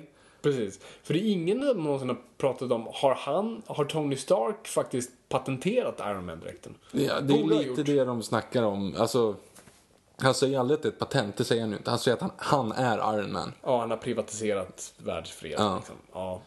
Men det är ju jättekonstigt att någon köper det. För de skickar ju upp den där War Machine då. Och det är ju en Iron Man-dräkt. fast, masken och med, fast med en eh, Kulspruta en kulspruta. Som dessutom som man behöver ammunition. Där har de lite grann missat. Ja, lite Alltså en, en minigun behöver ju någon som står och matar liksom inskott i den och det kommer ju bara flyga liksom grejer. Jag vet inte vart den ammunitionen sitter. Jag förstår inte vad, alltså vid det här laget så sitter ju inte arc-reaktorn i dräkten. Så blir det ju senare. Men, Ja. men nu är ju arc-reaktorn via han, alltså via bröstet. Så vad drivs den av? Ja, det är en bra fråga. Men den sitter, han tar ju ut den visserligen. Han sa ju det här är typ energikällan. Så gömmer han ju den när Bill the Kid kommer. Ah, Fast okej. den sitter jag, ju ändå i. Så, ja, Jag ja, missade ja, den delen för att... Något annat. Ja, nej, det, det, det, det är inte logiskt någonstans. Och sen så blir det bara pang, pang bom. Ja, sen bara smäller det som fan i slutet. Åh, nej, det är sån tråkig, dålig, rikt, alltså en riktigt, alltså en genuint dålig film faktiskt. Alltså jag, jag kan inte se, jag hittar ingenting bra i den whatsoever. Men det är också lite kul när den kommer in, alltså det, det, det var ju också, jag snor ju citat från dig här, men det är ju det som du sa när den scenen kom upp, att vilket var det perfekta beviset på att en film inte fungerar. Mm. Det är ju den scenen när han står nere i, eh, han står nere i sitt labb. Ja, ska jag skapa det här nya elementet. Precis. Och då så vill de bara, helt plötsligt är det någon som säger, oh fuck, vi behöver en scen där vi, det ska, som ska sätta upp mer för Avengers. Så de får Coulson att komma ner och säga, hej, sticka in huvudet ungefär. Så bara, hej, vet du vad? Och så blir han avbruten och säger, vänta, ge mig den här här borta. Och så ger han Captain America-skölden. Ungefär jättetydligt att Captain. America-skölden är där. Liksom så att han typ stöter upp en grej och sen säger, du, eh, jag ska åka till eh, New Mexico så jag kommer inte vara kvar. Bara så du vet. Och så bara sticker han. Och så, va? Vad Vadå vara kvar? Du är inte, det är inte så att du jobbar för honom, det är inte så att du hänger i huset. Ni har träffats en gång! Ja, det är så jävla konstigt. Och det är ju bara för, då vet man att, alltså för, de- för de som fattar så här, "Ah, New Mexico, där är ju Thor. Ja, ha." för det är det de sätter upp i slutvinjetten där. Och då är det så här, ja okej, så att den där scenen är ju så uppenbart att de bara lagt in den i sista sekunden. Så att någon säger bara, du, vi måste ha mer Avengers i den här. Ja, ja men det, det är så mycket som påminner mig där om, så här, vi gjorde ju film när vi var barn, alltså Mm. man bara trycker ihop grejer för man tycker det är kul. Och det är så mycket så här konstiga grejer, som du vet när, när Rhodes och, och Tony slåss där i sina Iron Man-dräkter. Ja. är det mest konstiga, Så jävla tråkigt. du vet som när man var små och man behövde en anledning att slåss. Mm. Vet, bara... mm. Alltså, man bara kommer på någon konstig anledning. Inte ens för att bråka utan bara för att liksom så här, få brottas. Ja, det är. Och, det, bara den sidan, och sen hur han då får det, lyckas komma på det här elementet då som hans far ger honom då från himlen. Så, det är så jävla fult inspelat. Han, han visar ju en film då. Alltså, han, han spelar ju en film som hans farsa spelat in. Och literally, det, det hans farsa säger är så här. Hej Tony. Jag är smart, men tyvärr så är tekniken när jag lever inte så bra. Så eh, du får upptäcka någonting istället. Och ingenting mer. Nej, ingenting. Jag tror på dig. Det är det han säger liksom. Du kommer hitta på någonting. Exakt, och då kommer han på någonting. För, att- eller det gör han inte, han- snarare han ger ju honom typ planen via den här Disneyland-parken. Eh, Som är väldigt svårt att förstå. väldigt svårt att förstå.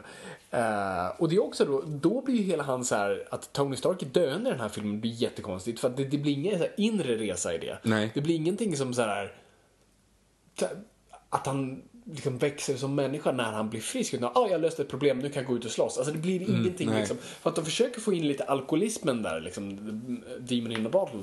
Men det är inte riktigt det heller. Liksom. Han, han blir lite full på ett party. Och det, det är någon så här, du vet, vad kan man ha för, så här, vad är så här, franchise, alltså det, det är liksom, Bat credit card. Alan, Alan. Och Bat credit card. Och Bad Credit Card. Ja. Den ser- är liksom partyscenen då han är full i Iron Man-dräkten och pissar i den och bara ah men kom igen. Åh.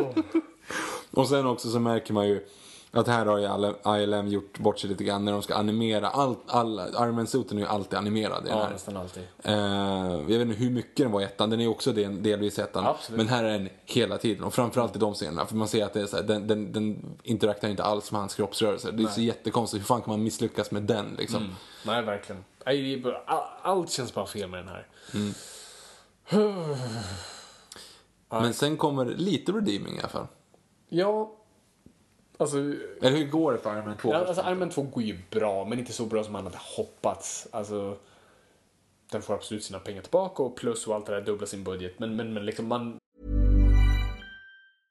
A lot can happen in the next three years. Like a chatbot may be your new best friend.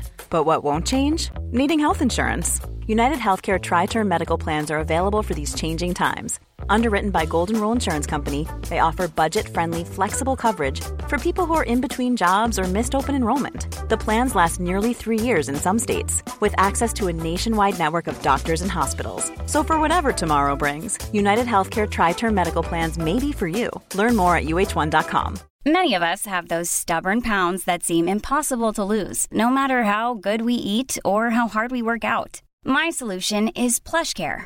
PlushCare is a leading telehealth provider with doctors who are there for you day and night to partner with you in your weight loss journey. They can prescribe FDA-approved weight loss medications like Wagovi and Zepbound for those who qualify. Plus, they accept most insurance plans. To get started, visit plushcare.com slash weight loss. That's plushcare.com slash weight loss. Even when we're on a budget, we still deserve nice things. Quince is a place to scoop up stunning high-end goods for 50 to 80% less than similar brands. They have buttery soft cashmere sweaters starting at $50, luxurious Italian leather bags, and so much more. Plus, Quince only works with factories that use safe, ethical, and responsible manufacturing. Get the high-end goods you'll love without the high price tag with Quince. Go to quince.com slash style for free shipping and 365-day returns. det- alltså som man gör i man, man förväntar sig mer. Lite som du, alltså Batman v Superman har absolut tjänat sina pengar tillbaka och, och mycket, mycket mer. Men man ville liksom, det här är en film som ska gå liksom plus en miljard dollar. Och det var lite så man kände med den här också, men, men, men, men det blev det inte. Det blev, jag tror de drog in 600 miljoner, vilket är jättebra, det är inget fel på det så. Men, men framförallt the word of mouth av, av filmen var inte särskilt bra lyckat då liksom.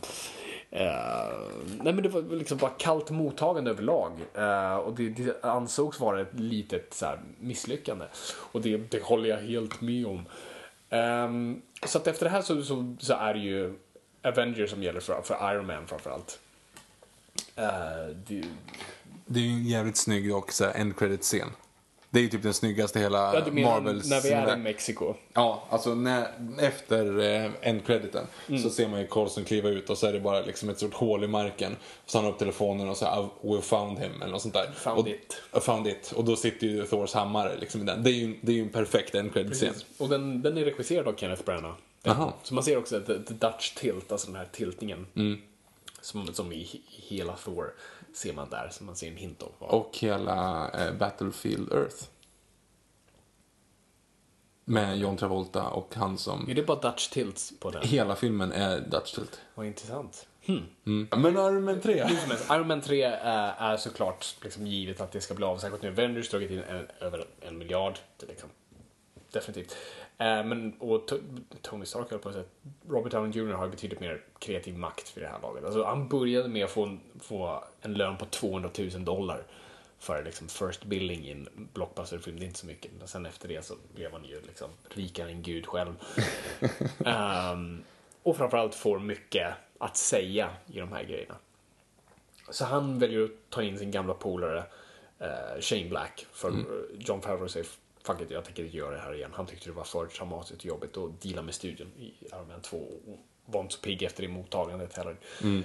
Uh, så de tar in Shane Black, uh, som, som man gjorde Kiss Kiss Bang Bang med och som har bra actionbakgrund. Mest som manusfattare skriver ju Lethal Weapon-filmerna och sånt där. Och han kommer in som manusfattare och sen då regissör. Uh, och ja, det alltså... Och det är Iron Man 3, vad tycker du om den? Jag tyckte att den var bättre när jag såg den förr alltså. Jag håller med. Den, den har sjunkit lite grann. Ja, jävla skit. Nej, den har sjunkit lite grann för mig faktiskt. Alltså när jag såg på bio kommer jag att var så liksom såhär, åh fan vad bra det här tyckte, var, vad coolt. Då tyckte jag den var såhär, det här var den bästa Iron Man-filmen. Ja, men inte med, inte med facit Den har mycket, alltså mycket saker är bättre. Så jag tycker den är jättebra skriven. Uh, för Shane Black är en sån duktig manusfattare. Mm. Så att jag tycker liksom hur manuset är liksom format är väldigt bra. Och regin sitter ganska starkt på på många ställen och, så, och balansen mellan humor och allvaret är där. Men det är sånt jävla problem med skurkarna där. Uh, och, och, och bara jag, jag har inte problem med The Mandarin-grejen. Alltså, jag Men... är både ja och nej där. Alltså, jag förstår att folk har problem med den. För att alltså, Mandarin är lite som, alltså, det är hans joker på något vis. Mm. Och, och alltså, hur skulle vi känna om jokern visade sig vara liksom, en skådis som liksom drar bajsskämt. Alltså du vet, mm. hade gått bananas. Men nu är inte Mandarin lika stor liksom. Och jag förstår på något man kan inte, i, här, i modern tid kan du inte riktigt ha en, alltså, ah, en till ond liksom asiat. Alltså, mm. du vet. Nej men jag, jag har inget problem med den delen. Alltså med Mandarin-grejen. Mm. Det jag har problem med det är den här jävla växter som brinner tjofräset. Extremis-biten av Ja, jag tycker inte heller det fungerar. För att det ännu en gång får mig att tänka så varför smälter inte hans armband ur och varför fattar inte hans kläder eld. Alltså det är sådana där simpla, simpla grejer men Nej, alltså det, det är en sån ointressant plott egentligen. Det är ju samma plott typ som Amazing Spiderman 2.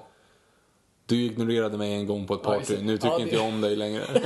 jo men det är verkligen den biten. Ja. Liksom. Du lämnade med, ja det är jättedålig motivation. Det, jag trodde vi hade kommit längre än sådär. Och Nej, bara den, och, och sista akten är ju också bara e- explosion. Man undrar så här, hur skör är Iron Mans dräkt egentligen? Ja, och varje gång den liksom snubblar på någonting så går den sönder. Ja. uh, och sådana bitar. Och att, att Tony Stark inte behöver vara i dräkten längre. Han kan liksom köra remote control mm. från alla och det också tar bort en bit av faran från det. Ja, med andra ord så är han, alltså det är en drone. Ja, det är absolut Det är ju liksom sådana som sitter i en... Men det jag tycker de får rätt och, och, och som jag nämnde i förra avsnittet också, så här, varför jag kan förlåta många filmer är att så här, får du din huvudkaraktär rätt och håller den sig trogen till liksom andan av den karaktären, om det är Batman eller Captain America, då kan jag förlåta väldigt mycket. Som jag sa med Spectre, jag förlåter mycket Spectre för jag tycker det, det är en Bond i den. Och här tycker jag de fångar Tony Stark för det är framförallt hans då inre demoner som de inte hade fått innan, alltså hans in ångest. Mm. Både i form av hans skådespelarprestation, Robert Downey Jr, men också hur det är skrivet. Jag älskar den scenen när han får panikångest där på restaurangen. Mm. Och han måste gå in i sin dräkt och, och liksom, is it the brain, is it the brain, is, is it the heart? Alltså han får bara panik över att ha, för jag har vissa eh, själv eh, eh, tendenser och, och liksom han, han fångar den tendensen väldigt bra. Det måste man ju dock säga, alltså han har ju blivit mycket bättre. Alltså han, han har ju varit, vad ska man säga, han har varit en bra bra Iron Man eller bra Tony Stark hela mm. vägen. Men i sista filmen så är det ju, det är ju fan, han skådespelar ju på mm. riktigt. Mm. Jo. Alltså han, är, han, i tvåan går han ju lite grann på rutin. Han går ju bara omkring och liksom så här, mm. Men nu, alltså i trean, då är det ju på riktigt. Och det måste jag säga, i trailern till Civil War.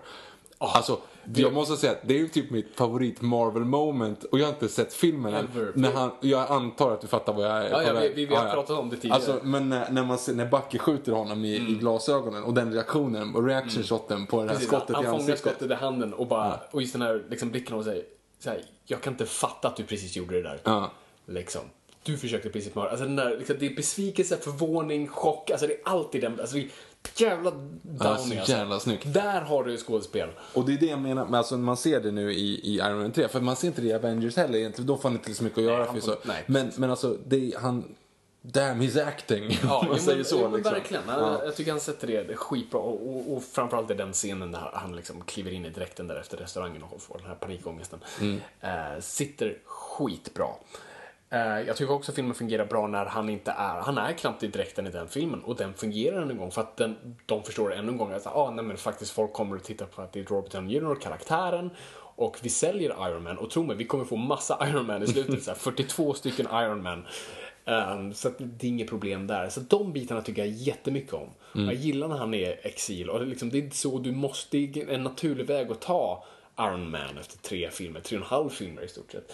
För att liksom, vad mer kan du göra? Han är superrik, alltså han kan göra allt, nej men du tar bort allting. Och, och framförallt så måste det också det att så fort det händer någonting skulle Avengers kallas in. Jo, men alltså det- det måste komma runt den, det konceptet. Jo men precis, liksom. och, och, det, och det är också en inre resa i det hela. Det är inte bara som i, ah, han är sjuk i det här, som i förra filmen. Och det är inte bara, ah, nu, ah, shit, han landade fel med sin direkt. Alltså det hade ju inte varit svårt för honom att bara ringa någon och få en Alltså han kan ju betala en taxi hem genom 30 stater utan att liksom få ont i plånboken. Så det är ju inte ett problem rent fysiskt för honom. Men rent psykologiskt så kan han inte ta sig tillbaka än för att han är liksom förstörd inuti. Precis, och det var det jag menade med att du då inte kan göra en, en jätte, jättehändelse och det, jorden på väg att gå under en gång till. Mm. Nej, nu finns så Amer- Amerikas president tillfångatagen. Så här, ja, Kanske borde ha ringt Avengers. kanske borde inte. Eller i alla fall Captain America liksom. Ja, bara någon. Han borde reagerat. en liten, liksom, lite hjälp. Nej men verkligen. eh, För att, men, men, men, det, men det som också jag tycker det fungerar så bra, det är typ att tre eller fyra så här action set pieces. Alltså det är ingen liksom så lång action romp sådär, utan det är några så få segment. Liksom. Eh, Du har ju den liksom, attacken mot huset, eh, flygplanssekvensen. Och Den är cool. Ja, den är helt fantastisk. För det är, det är en sån bra, liksom, det är superhjälte-moment. Hur en superhjälte inspirerar några att liksom lyckas. Liksom. Han måste få den här grejen att fungera, de här alla människorna som flyger, vi måste få alla att koppla ihop och jag ska liksom rädda, L- lite så här Superman Returns på den. ja du menar med flygplan och Ja. allt sånt där. Ja, fast då bara räddar han ett flygplan. Jo, men lite så samma känsla. Ja, inte riktigt samma känsla. Men, men jag okej, förstår vad men, du menar. Men det var coolt. Eh, bara tänkte det är en av de riktigt coola kampanjerna kring den här filmen. Mm. Eh, det är en liten sanning modifikation för de gjorde om den. De, de fegade ur. Eh, men Super Bowl är ju liksom no shit USAs stora liksom, tv-händelse. Och det kostar ju hur mycket pengar som helst Ja, att köpa ja, reklamtid under. Super Bowl. Och den första spotten de körde, Mm. alltså när de skulle pusha Iron Man 3. Den är så här, det är, jag tror det var 18 sekunder av bara den här scenen när han landar ute ligger i i, snön. och bara tar av sig masken Ja, och ligger och andas. Du vet bara såhär, fy fan vad ballsy och bara sälja. Du, står ingenting, händer ingenting, det är bara han ute i snön som ligger och andas Mm. liksom. Och bara så här, fy fan, där hade, hade de kuttat där, då hade det varit liksom jordens bästa reklamfilm någonsin. Ja, absolut. För Tyvärr, sen så var de tvungna att slänga in massa action och sånt. Men tänk att bara lägga liksom 18 sekunder och en sekund under Super Bowl, eh, då snackar vi liksom en miljon. Ja, ja, alltså det är ju liksom hur mycket pengar som helst. Jättemycket. Ja, det, är- det är faktiskt väldigt coolt, för den scenen säger så mycket, alltså när du bara ser den liksom, Mm. så här, what the fuck moment och varför är han där och liksom, det ser ut att vara en riktig utmaning. Mm. Nej, det är jättesmart. Men, men så, så det finns så mycket att tycka om med den filmen och det är därför jag förlåter mycket av, för sen när Aldrich Killian kommer in och hela Extremis och alla Exposable Armies igen, jag, jag, det slog mig nu när jag såg när vi såg Iron Man 2, de är ganska lika. Alltså på slutet så är det en massa Iron Man-dräkter som slutar med att alla exploderar. Alltså det är i stort sett det och du bryr dig inte så mycket om det. Ah, så att, eh, och sen just att paper, pa, paper, Pepper Potts blir en sån där extremis och de gör en sån här She got better. Men de säger ju verkligen det. I fixed her. Alltså de säger det i en replik i voiceovern. Och så bara... Mm. Eh, ja, skitsamma. Nej, men, alltså, jag tycker om Iron Man 3, men det är, det är just tredje akten där eh, som sabbar hela. Ja, verkligen. Och, och skurken, jag bryr mig inte och sådana där bitar. Den är ju roligare än de andra två ändå. Alltså, de försöker göra tvåan som en, en full frontal komedi. Mm. Eh, men jag tycker ändå att trean är roligare. Men det är ju mycket här saker som man kommer igenom. Till exempel då att eh, den här henchmanen som Mm. han bara ger upp. Du vet så här. These guys are freaky anyway, eller vad Ja, det. säger. Ja. Ja, just det. I hate working here, they're so weird. Ja, ja precis, han bara liksom släpper vapen. Som man typ skulle göra i en sån situation. Ja. Varför har han annars en massa trogna Jo, alltså, det är ju en spontan det, det reaktion. är faktiskt jättebra, och det, det är så Shane Black, den, den grejen. Mm. Och, och man märker, alltså Shane Blacks humor är fantastisk, det är det han är bäst på. Eh, och den är inte löjlig och fjantig utan den liksom sitter perfekt. Också, alltså, det finns ju inget värre än en barnskådespelare och ha barn i film där de inte passar in. Men här har de så jävla bra grej. Liksom. Eh, med, för det är så jävla iskallt när han lämnar honom där. Liksom. Han bara drar iväg med bilen. Jag kommer inte ihåg vad han säger. Men han kallar, kallar ju honom för Pussy någon gång också. Och sådär. Och, eh, Så jävla... Då, alltså måste jag säga, alltså... Ben Kingsleys look som The Mandarin dock är ju Skitcool. helt Ja, och, fantastisk. det, och det är väl det som gör folk så besvikna för att han hade varit så jävla ball. Alltså, Gandhi goes bad. Ehm, Candy Goes Bin Laden. Liksom. ja, men verkligen. Det hade varit ascoolt liksom. Lesson number one. Allt det där. Ehm, Ja, men ah, det hade ju varit coolt att se vad de nu skulle göra av, av den där, liksom, av det konceptet. Om det nu skulle vara typ en Bin Laden-karaktär istället. Mm. Nej, men absolut, ja, jag förstår att man inte gick den vägen och det hade varit lite så här, uh, jag hade nog gillat det. Alltså, hade man, skulle man kört men skulle man kört det, kört det rakt ut. Jag undrar om det hade fungerat mer idag för jag tror inte man ville leka med magi så mycket då. Men nu kommer ju Doctor Strange-filmen snart som kommer köra full frontal magic. Eh, och då hade Mandarin kanske fungerat bättre. Han har magiska ringar egentligen. Han har va? magiska ringar, exakt. Ja. Så att, eh, ja. ja. Jag är lite kluven på det där. Jag förstår om folk har problem och jag respekterar det. Jag har inte lika mycket problem för att jag har ingen relation till karaktären. Vad ger du för betyg till den då? Uh, jag säger Iron Man 1, en 4. Nu säger Iron Man 2 en 1. Alltså det är liksom, det är en överstruken uh, någonting. Uh, jag tycker det finns ingenting redeeming i den mm, alls. Alltså jag, jag kan inte komma på liksom, ah, den här, det här var Jag, tyckte coolt. att, jag, jag sa ju också lite grann, för att jag letade efter det, tyckte att ljudet var coolt. Ja, ljudet var coolt. Men det är sådär, det ska kräva en del för att det ska ta över så. Och, det, och, och, det, och jag ångrade mig efter ett tag sen. när, de- när, de- Det gick på tecknade ljud liksom. Precis. Men när, de- när, när eh, Majbord kommer fram och, och slåss där mot honom i första, när han kommer upp med de här liksom, piskorna som låter jävligt maxat liksom. Och när de fångar in, när de står och slåss där på, på, i Monaco vid första, då är det coolt ljud. Det är jättecoolt ju. Ehm. Formel 1 och allt det där. Det- Allt låter skitbra. Men, men det hjälper inte. Det, det, är en, det, är en, det är en nolla. Mm. Iron Man 3, alltså det är, det är en, alltså, det är en svag fyra. Alltså det är fortfarande en fyra. Det är en betydligt svagare fyra. Men För att jag tycker inte, alltså jag tycker det är en väldigt underhållande film. Det är en sån här film jag har gillat att bara slå på någon gång och bara, bara så här, jag vill bara ha kul. Eh, Nej, jag, jag säger ju, jag håller med om de två första. Det är ju en fyra, en etta och sen ska jag sätta en trea på Man 3. mm, ja, men det, jag köper det. Förstår du förresten, vad, vad var den här grejen med hans fågel? Majburd. För att han, han hittade ju inte hans riktiga fågel. Han hittade en annan fågel. En och annan så fågel, sket han ner och så glömde man bort det. Ja, jag orkar inte jag tänka. Och, och Rourke gick ju verkligen hardcore in. Han typ bodde i ett jävla ryskt fängelse i Gulag ett tag. Och du vet, så han, alla hans tatueringar är så här väl researchade. För du vet, i eh, ryskt eh, fängelsesystem så är tatueringar väldigt viktigt. När du har, gått, när du har gjort någonting så tar du en viss tatuering. Kolla på eh, Eastern Promises. Eastern Promises. Oh, fan vad snyggt! Att jag tog Bra, den där på att du bra. bara lyfte upp ditt finger. Ja. Eh, för det har också tatueringen och de betyder väldigt mycket. Ehm, Jag tänker bara på Viggo Mortensen naken. ja, i bastun där. Ändå som entagning. Helt fantastiskt. Jag blandade ihop den, alltså när jag såg Goldeneye så förväntade jag mig typ att se... Att se... Sena Onatopp. Nej, det är att jag förväntade se Pierce Brosnan där man, den jättelilla rumpan som Viggo Mortensen har också. Ja. Och bara vara naken och slänga runt med tasken liksom så mot Okej. men, men det var fel film. Det var fel film. Eh, jättebra film för övrigt. Eh, både Goldeneye och, och Eastern Promises. Men, men eh, fan, vad fan sa vi? Ja just det, men han researchade jättehårt och du vet så här, pratade med, med, med ryska fångar och, och sånt där. Och, så bara, och även, alltså hans ryska accent är inte så bra. Nej, det är och, och han har liksom, alltså han ser ut att bo i så här riktigt fattig, så här gammal kommunistbyggnad. Mm. Eh, jag har vandrat i sådana i, i mina dagar och tro mig, folk har inte så här blonda highlights i sitt hår och eh, grills. Alltså, nej. Njet, njet. Nej, jag förstår. Det, lå- det låter som det är så här Mickey Rourke som faktiskt sa bord. Han ville ha en fågel för en sån här method-grej. Liksom, jag vill ha en fågel att leka med. Du vet som så här, vissa skådespelare har en sån här. Har du tänkt på i, till i Ocean's Eleven-filmerna?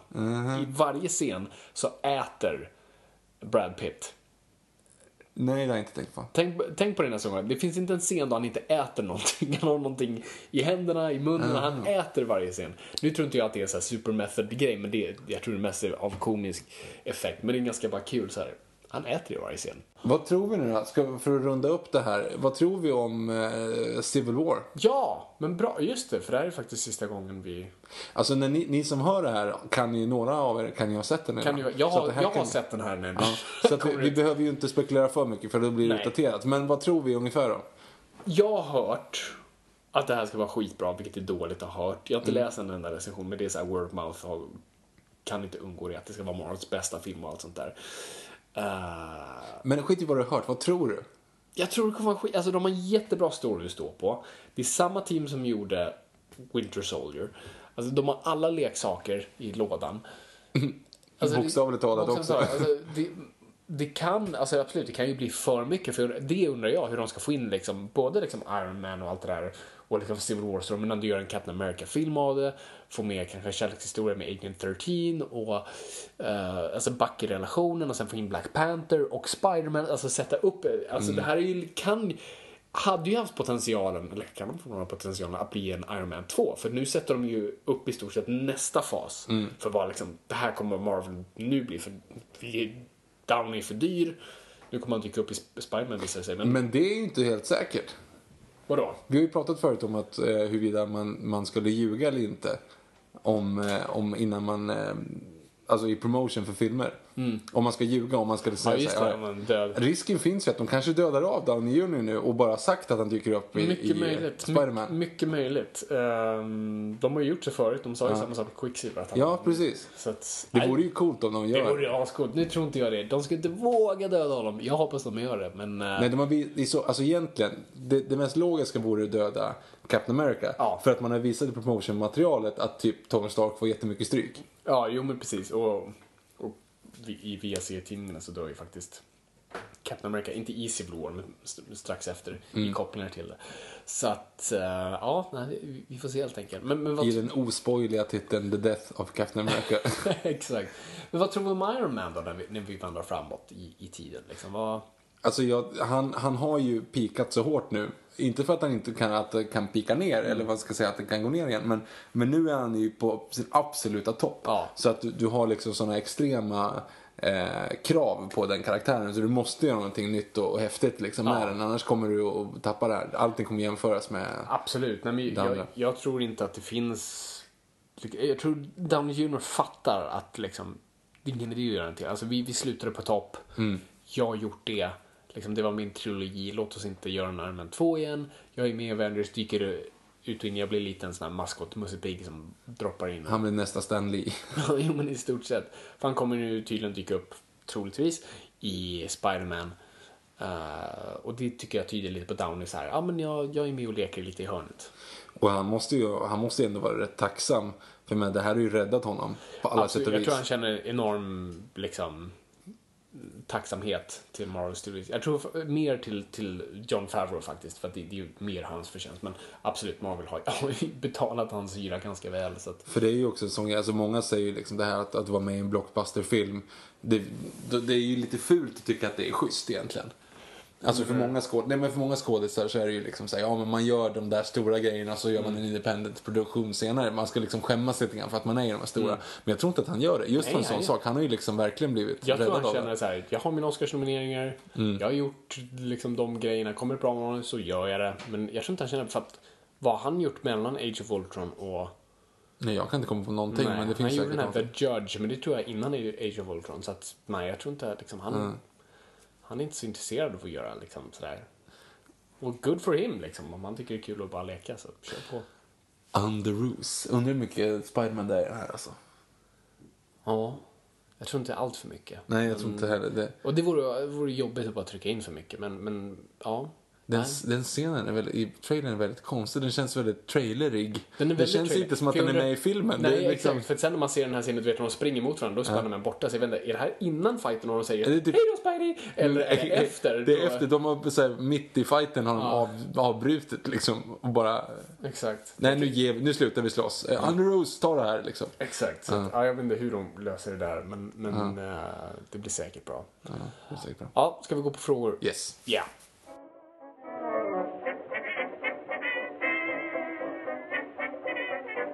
Då är det frågestund. Jag tycker det här segmentet, det är lite det jag ser mest fram emot. Nej, men det är mysigt. Det är kul, Eh, man får tänka, det sätter igång eh, kugghjulen i hjärnan. Ja men precis, och sen så, så finns det säkert någon där ute som tycker boo.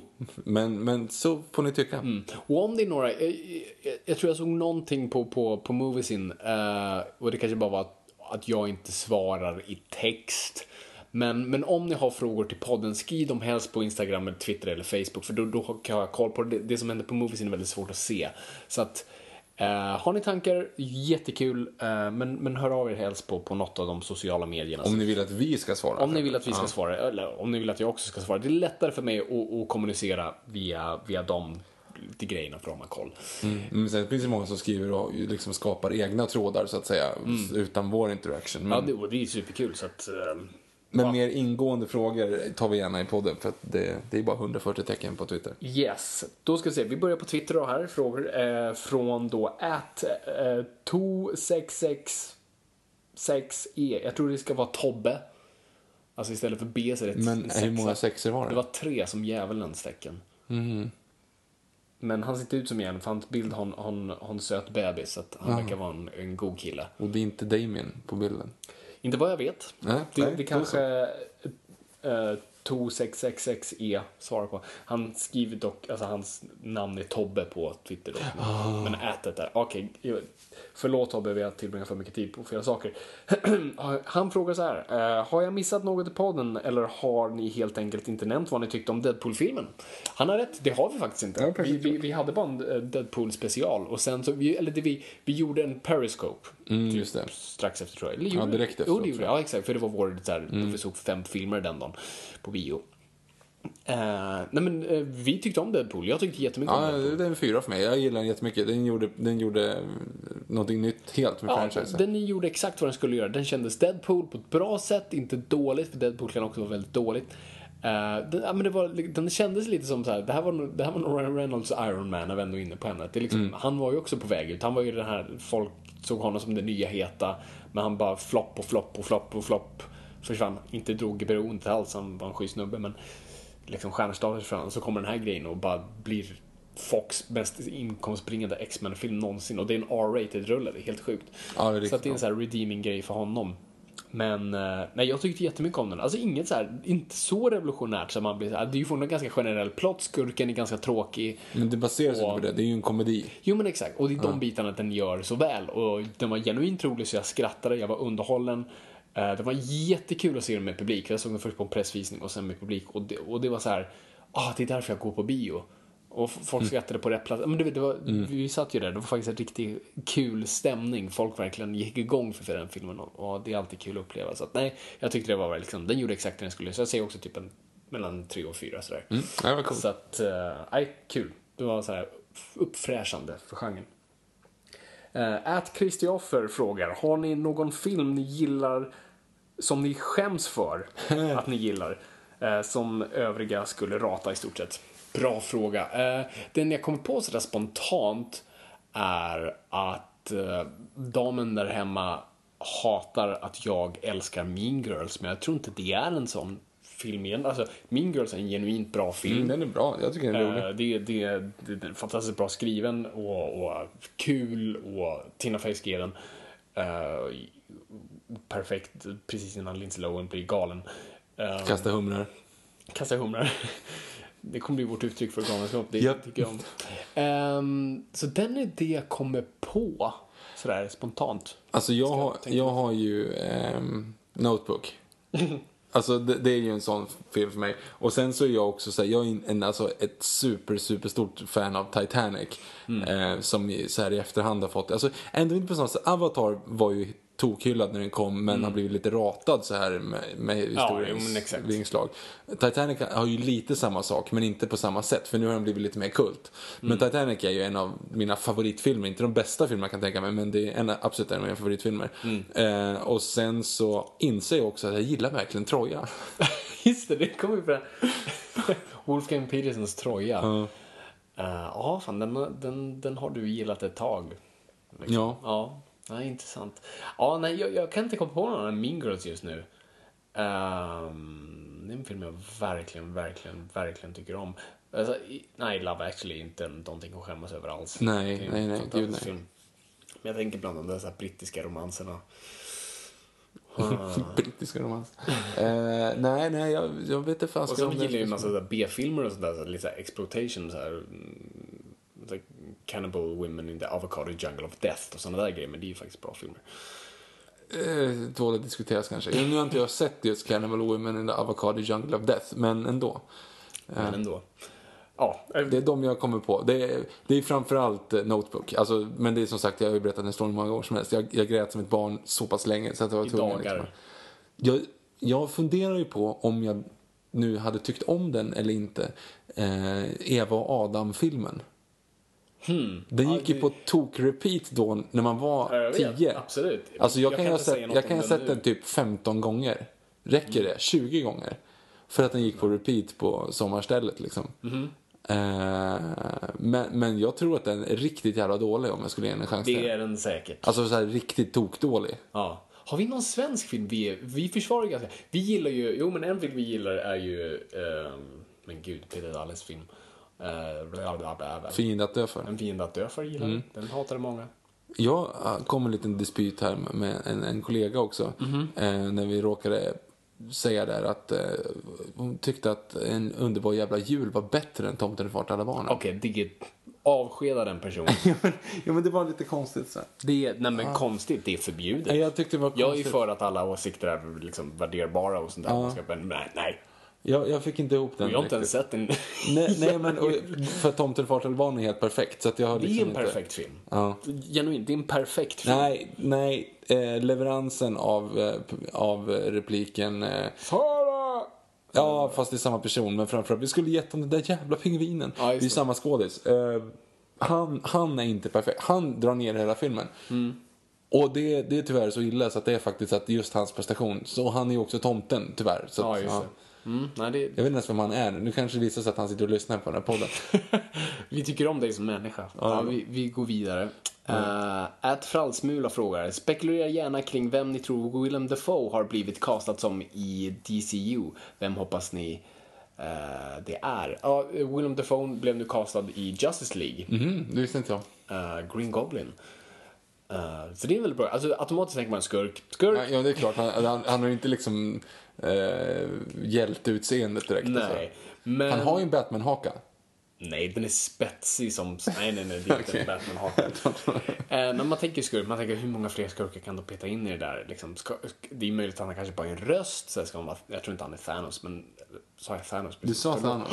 Gud, blasphemy! Jag menar Darkseid. Um, usch. Usch.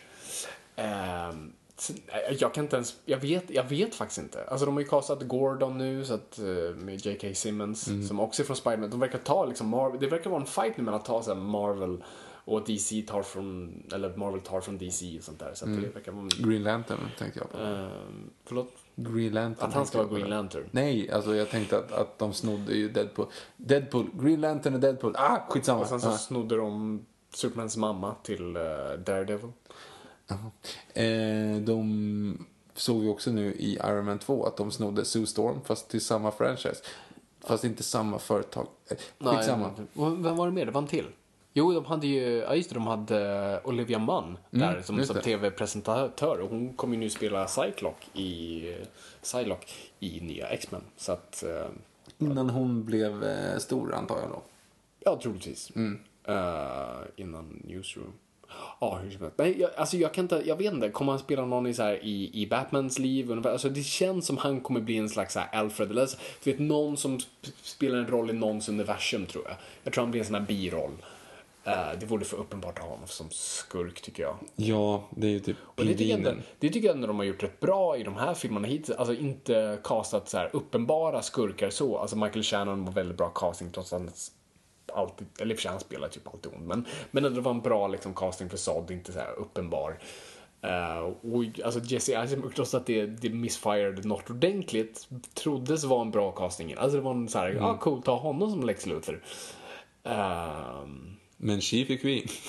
Ja, gud ja. Alltså jag, att jag försvarade honom så pass länge. Tack för den. Ja, jag vet inte. Green Arrow. Jag säger eh, pingvinen.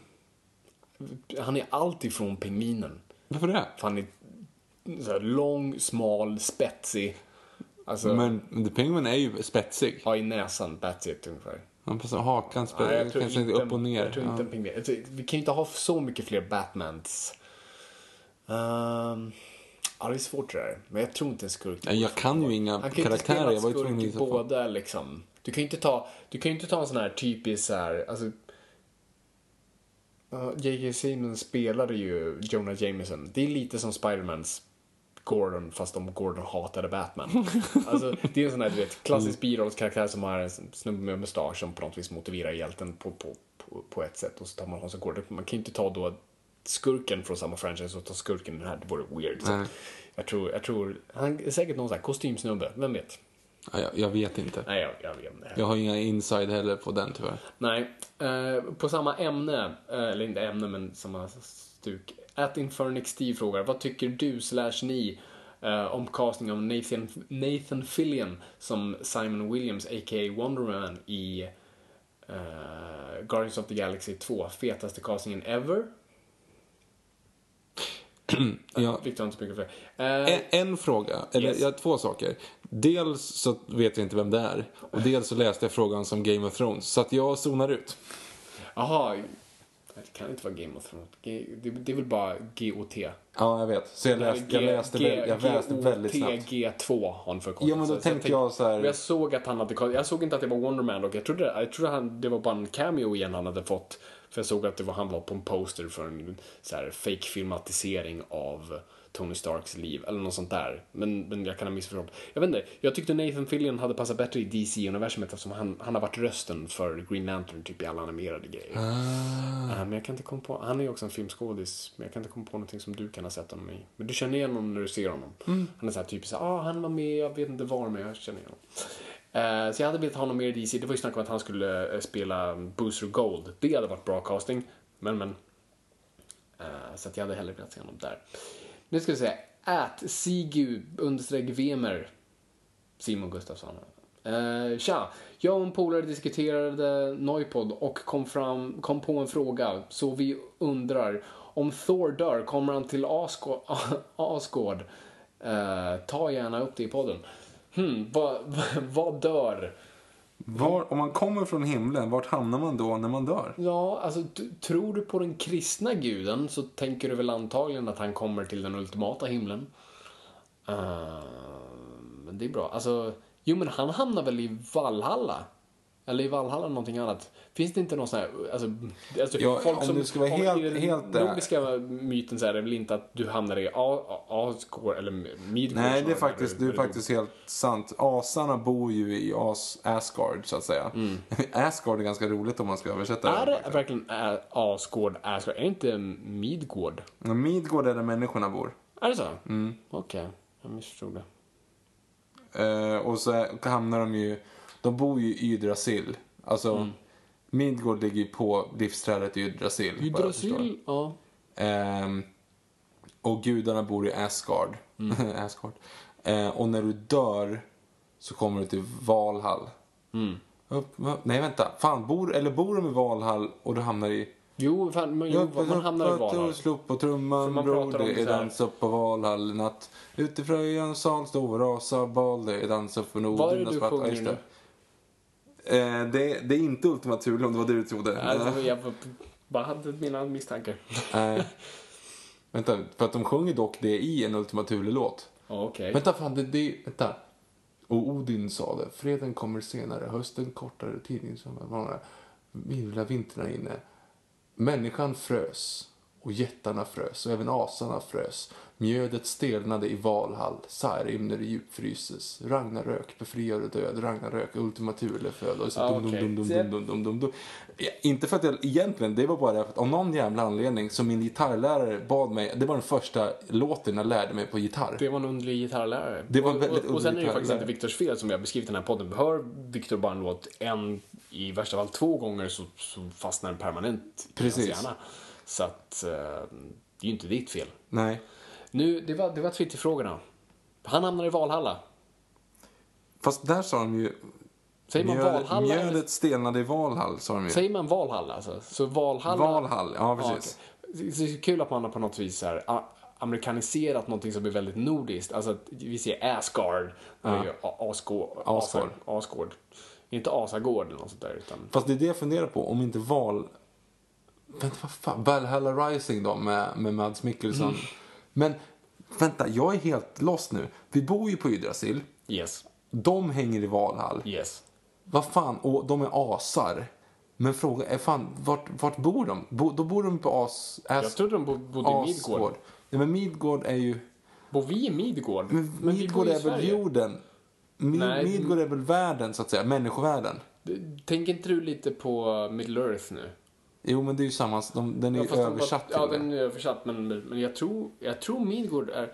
Skitsamma, jag inser nu att jag inte vad? riktigt... Vi, folk är väldigt duktiga på att rätta oss när det kommer till teologiska ämnen. Så att ni som kan det där bättre än oss, hashtag Noipod. Jag och Jonas Paulssons bibelskola tycker vi kan köra Exakt, på det jag, jag tänkte på honom. Han kanske vet lite om Asagård-bibeln också. Asgård. Det kanske dock inte är Bibeln riktigt det handlar om. Nej, vad, finns det någon ultimat text där så här, det här är boken som... som Jag tror inte det. Det är ju...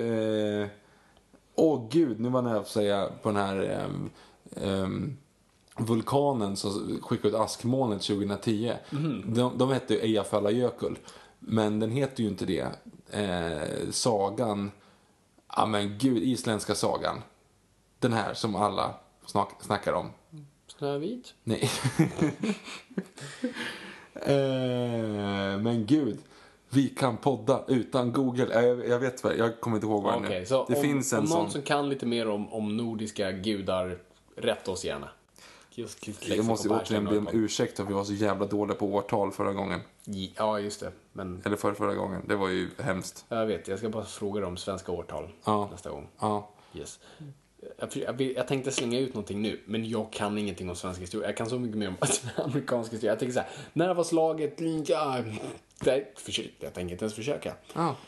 Eh, när Du vet den här tavlan på den här kungen, den här kungen som blev skjuten i huvudet någonstans. runt- Skjuten i huvudet i Norge. Det var Fredrik, eh, Fredrik Skans, men det är hem, eh, Kalmars förra hemmaarena i fotboll.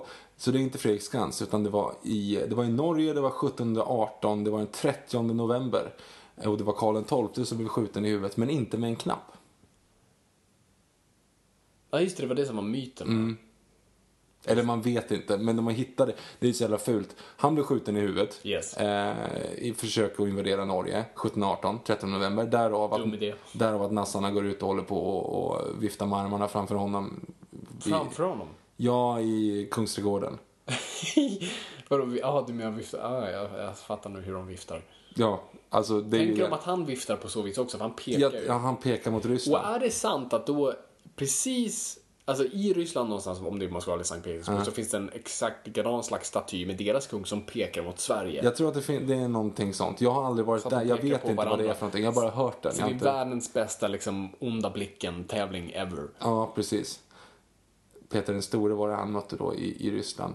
Eh, Vilket han, år?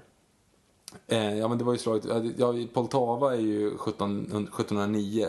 Eh, men innan var det ju Narva, då gick det ju lite bättre. Det var inte 1709, det var ännu tidigare förresten. Förlåt, det är ju ännu tidigare. Eh, det var ju nere i, han var ju nere och slogs i Bender, eller hängde i Bender i typ 10 år också. Jag tror att det är 1709, jag kan inte riktigt den hundraprocentigt. Men han gick ju ut, eh, 1698 så brann ju Stockholms slott i alla fall och då var han ju tvungen att rädda allt möjligt och då hade ju precis gamla kungen dött. Då har varit med en ny eh, tonårskung då i Sverige så då fick de ju för sig att de skulle invadera allihop, både Danmark och, och Ryssland och eh, kejsarstaten eller vad fan de heter. Och då så skulle ju Karl XII då gå ut och, och och slåss lite grann och sen så visade det sig att det gick ju ganska bra. Han eh, krossade ju där vid Narva. Sen gick det ju inte lika riktigt lika bra i Polen och sen så fuckade han upp typ hela Sveriges statskassa egentligen. Så det finns ingen anledning för de här som går ut och håller på och hyllar honom som värsta eh, så här, superkungen. Han var värdelös. Han, han, han eh, var borta ifrån Sverige i 17 år eller vad fan det var innan det där gick över. Så att eh, det är bara töntigt att, att hylla honom. Regalskeppet Vasa, go! Eh, 10 augusti 1628. Stockholms blodbad.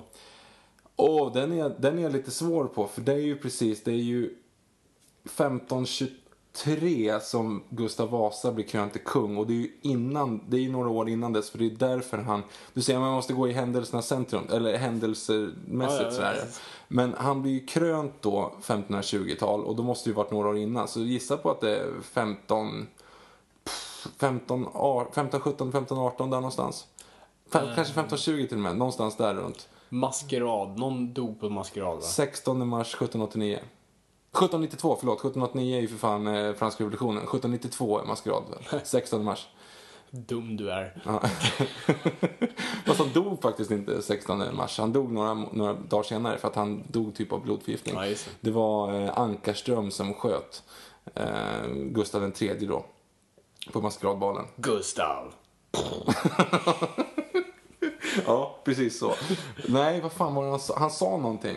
Han sa någonting. Eh, han sa någonting i typ så här, levde sammansvärjade. Nej, inte något sånt. Varför vill han mörda? Nej, vet du vad? Jag vill inte gå in på Och det. men däremot sa kungen då, eh, nu kan jag inte säga det på franska, men jag är träffad, fast på franska. Eh, je suis...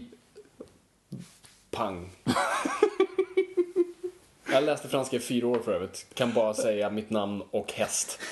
men det är ju ganska bra. Eh, eh, le cheval, la gauche, la table. Eh, Hästen är under bordet. Till vänster om bordet. Till vänster om bordet. Jag, jag, jag, jag vet inte, jag, det var ju inte grammatiskt korrekt, men ga- är ju vänster tror jag, för att det Ja. låter som usch. Jag tycker du- inte om vänster. Så du sa i stort sett häst, vänster bord. ja. Väldigt bra. Vi borde åka till Frankrike.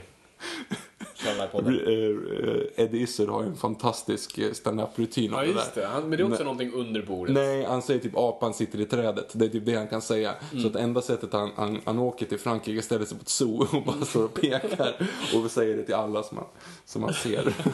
Ah, Izzard. Ja, Jättebra bra. ståuppkommare. Ja, eh, vi ska gå på Instagram-frågor. Instagram-frågorna. Vi la ju upp här senast att vi, vi eh, glömde ju micken senast så att vi fick åka runt halva stan och börja spela in skitsent i Captain America-avsnittet. Ja. Då skrev Eriks, eh, Erik Edberger här, han skrev att den här bilden förtjänar mer likes än en måltid på en jävla rispudding i Barcelona. Det var en helt fantastisk eh, kommentar. Jag vet inte om det var en fråga, men det var ju bra. Ja. Jättebra. Borde jag fatta den referensen eller var det bara briljant roligt? roligt. Jag, jag, vet inte. Och sen så hashtag lack på världen. så jag vet inte riktigt vad det kommer ifrån. Han kanske bara haft en riktigt dålig upplevelse i Barcelona. Ja, på ris, på, med rispuddingar mm. i Barcelona. Vi behöver inte veta mer. Nej. Här, Erik Nilsson säger här att sitter och lyssnar på podden, är det inte så att Caps sköld är en blandning av adamantium och vibranium? Du, du är korrekt. Uh, och, och bara vanlig stål också. Har Mm. den. Så, så att yes, det, det finns lite adamantium i den också.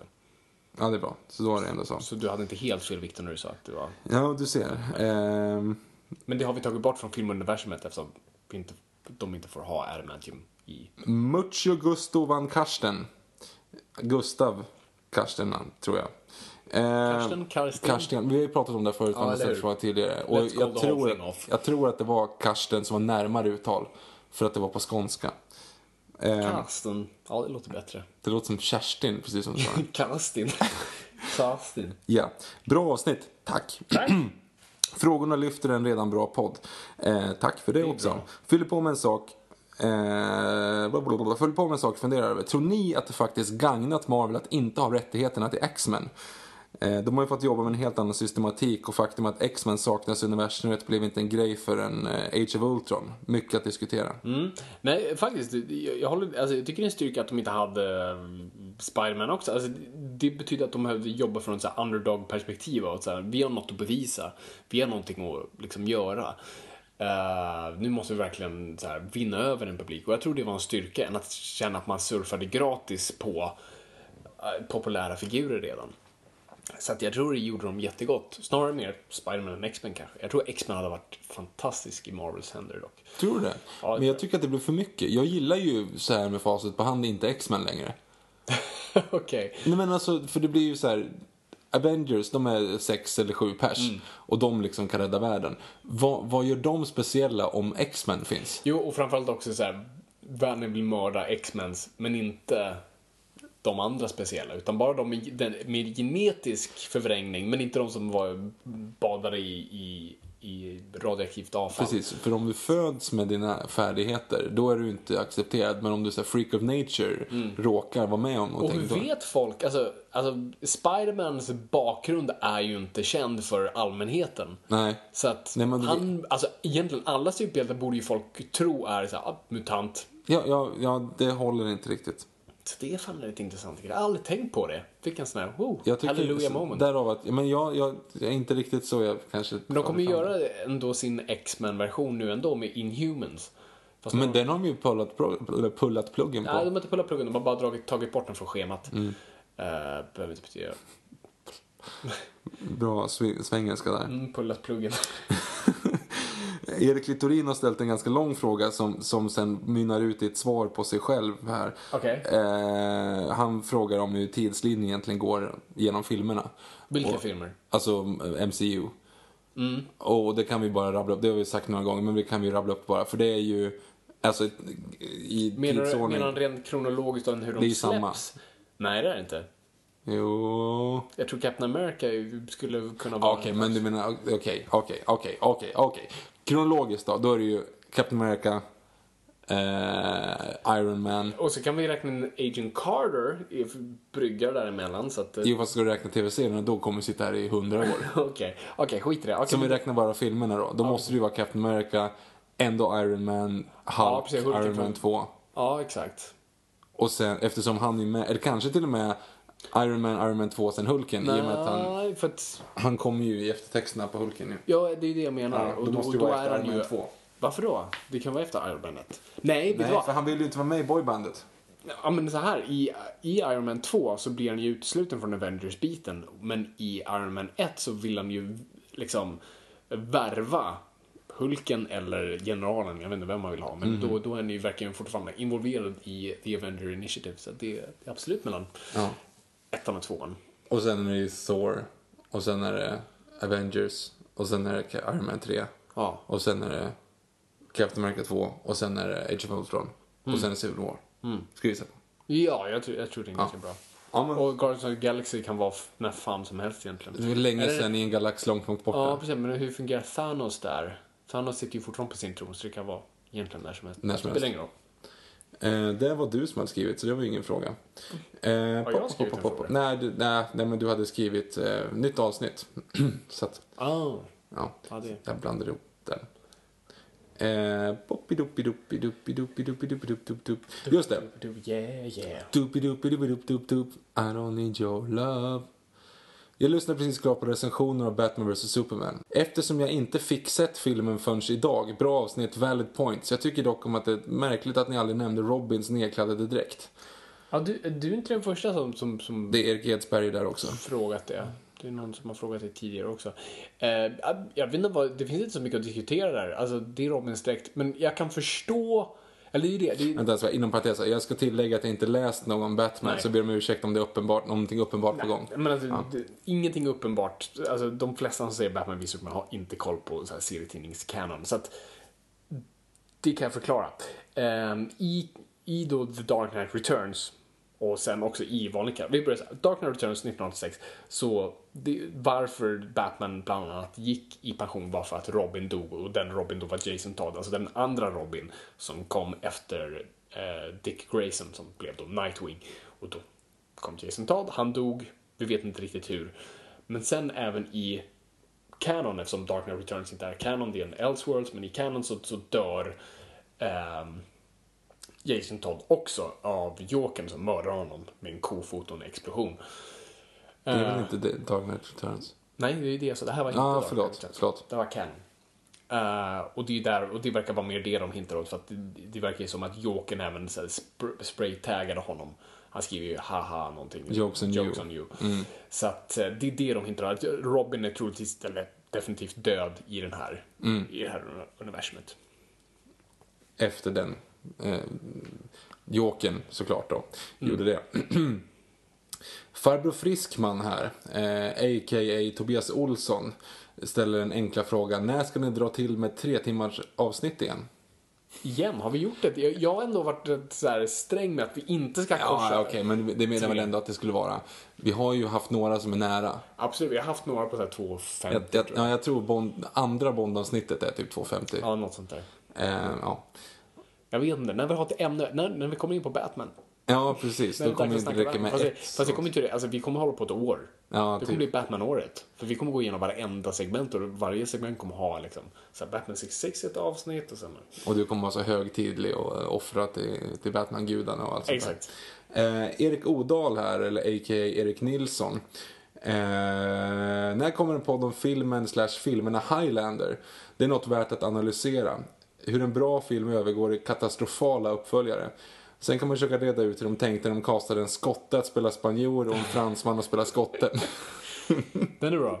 Eh, är bra. Alltså, jag har bara sett första Highlander och det såg jag när jag var liten liksom, och tyckte det var ett coolt koncept. Så att, men det, troligtvis, när vi har slut på idéer då kommer vi börja liksom så här, vilka trilogier finns det? Och så kommer vi gå igenom dem och prata om. Så att, Nej, nej jag kan säga, jag, jag har sett två, men jag är inte säker på om det är ettan och tvåan eller om det är ettan och trean. Ah, okej. För tre, det, en sög i alla fall. Den var Okej. riktigt, du vet, alltså konceptet att du kan hugga huvudet av någon så att, alltså det, det håller inte riktigt. Men jag, Mm. jag minns i alla fall att jag tyckte att ettan var riktigt bra.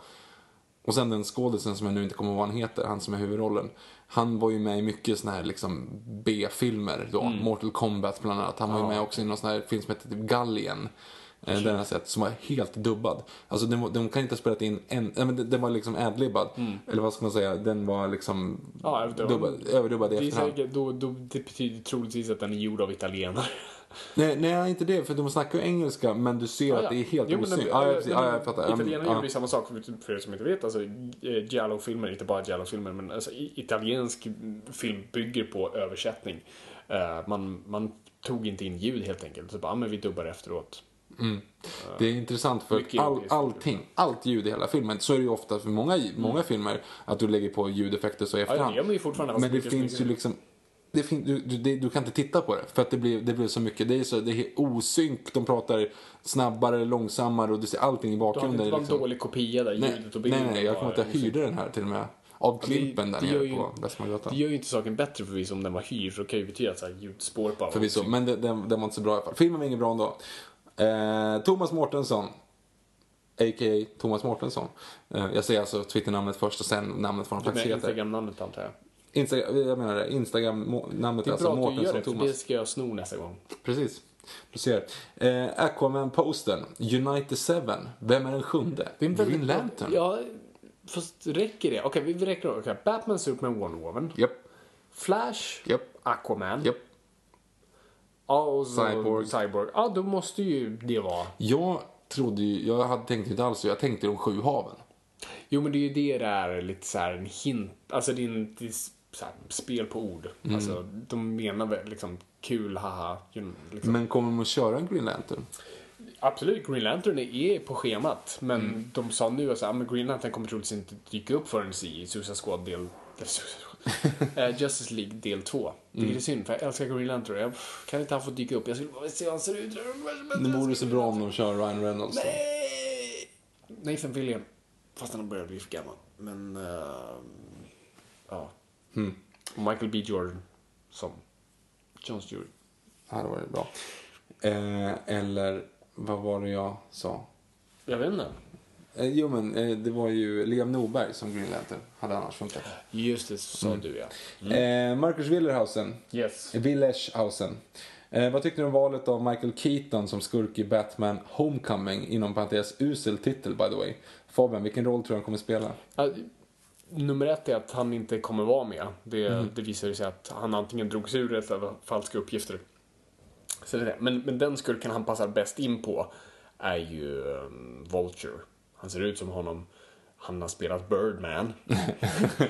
Eh, så att eh, jag, tror- jag tror det var det eh, som, som, som det nog var snack om. Så det, det är ju en bra ledstjärna på det. Ja, troligtvis Vulture och Vulture har de tänkt göra länge. Så att, lär det bli.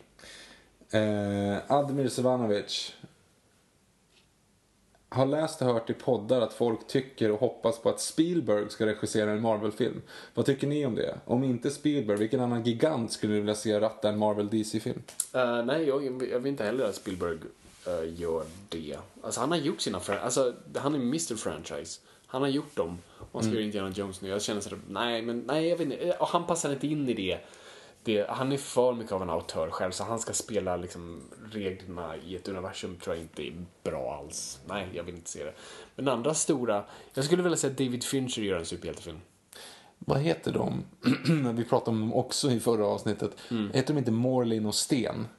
Alltså de som gjorde Känningens sorg. Ja, just det. De här svenska killarna som Ja. också gjorde Underworld va? Tror det. Mm. De är ju lite coola. De gjorde också svenska filmen Storm. Storm ja. Ge dem. Kanske inte klassas som gigant, men det vore coolt att se en svensk. knappast, de är snarare såhär B-filmsregissörer här laget. Lugn. Inte om de har gjort eh, Underworld. Underworld. Uh, ja, nej, jag ska inte kalla det så. Men David Fincher tror jag skulle vilja se göra en superhjälte. Det skulle ta honom tre år att göra den, men det skulle säkert bli fantastiskt. ja, precis. Så mycket Eh. omtagningar. Mm, exakt. Men inte Spielberg. Nej, jag är inte så taggad på det. Eh, Riedelman står också Riedelman i namnet, så jag vet inte riktigt vad det innebär. Doris Riedelman. Ja, det kan vara det.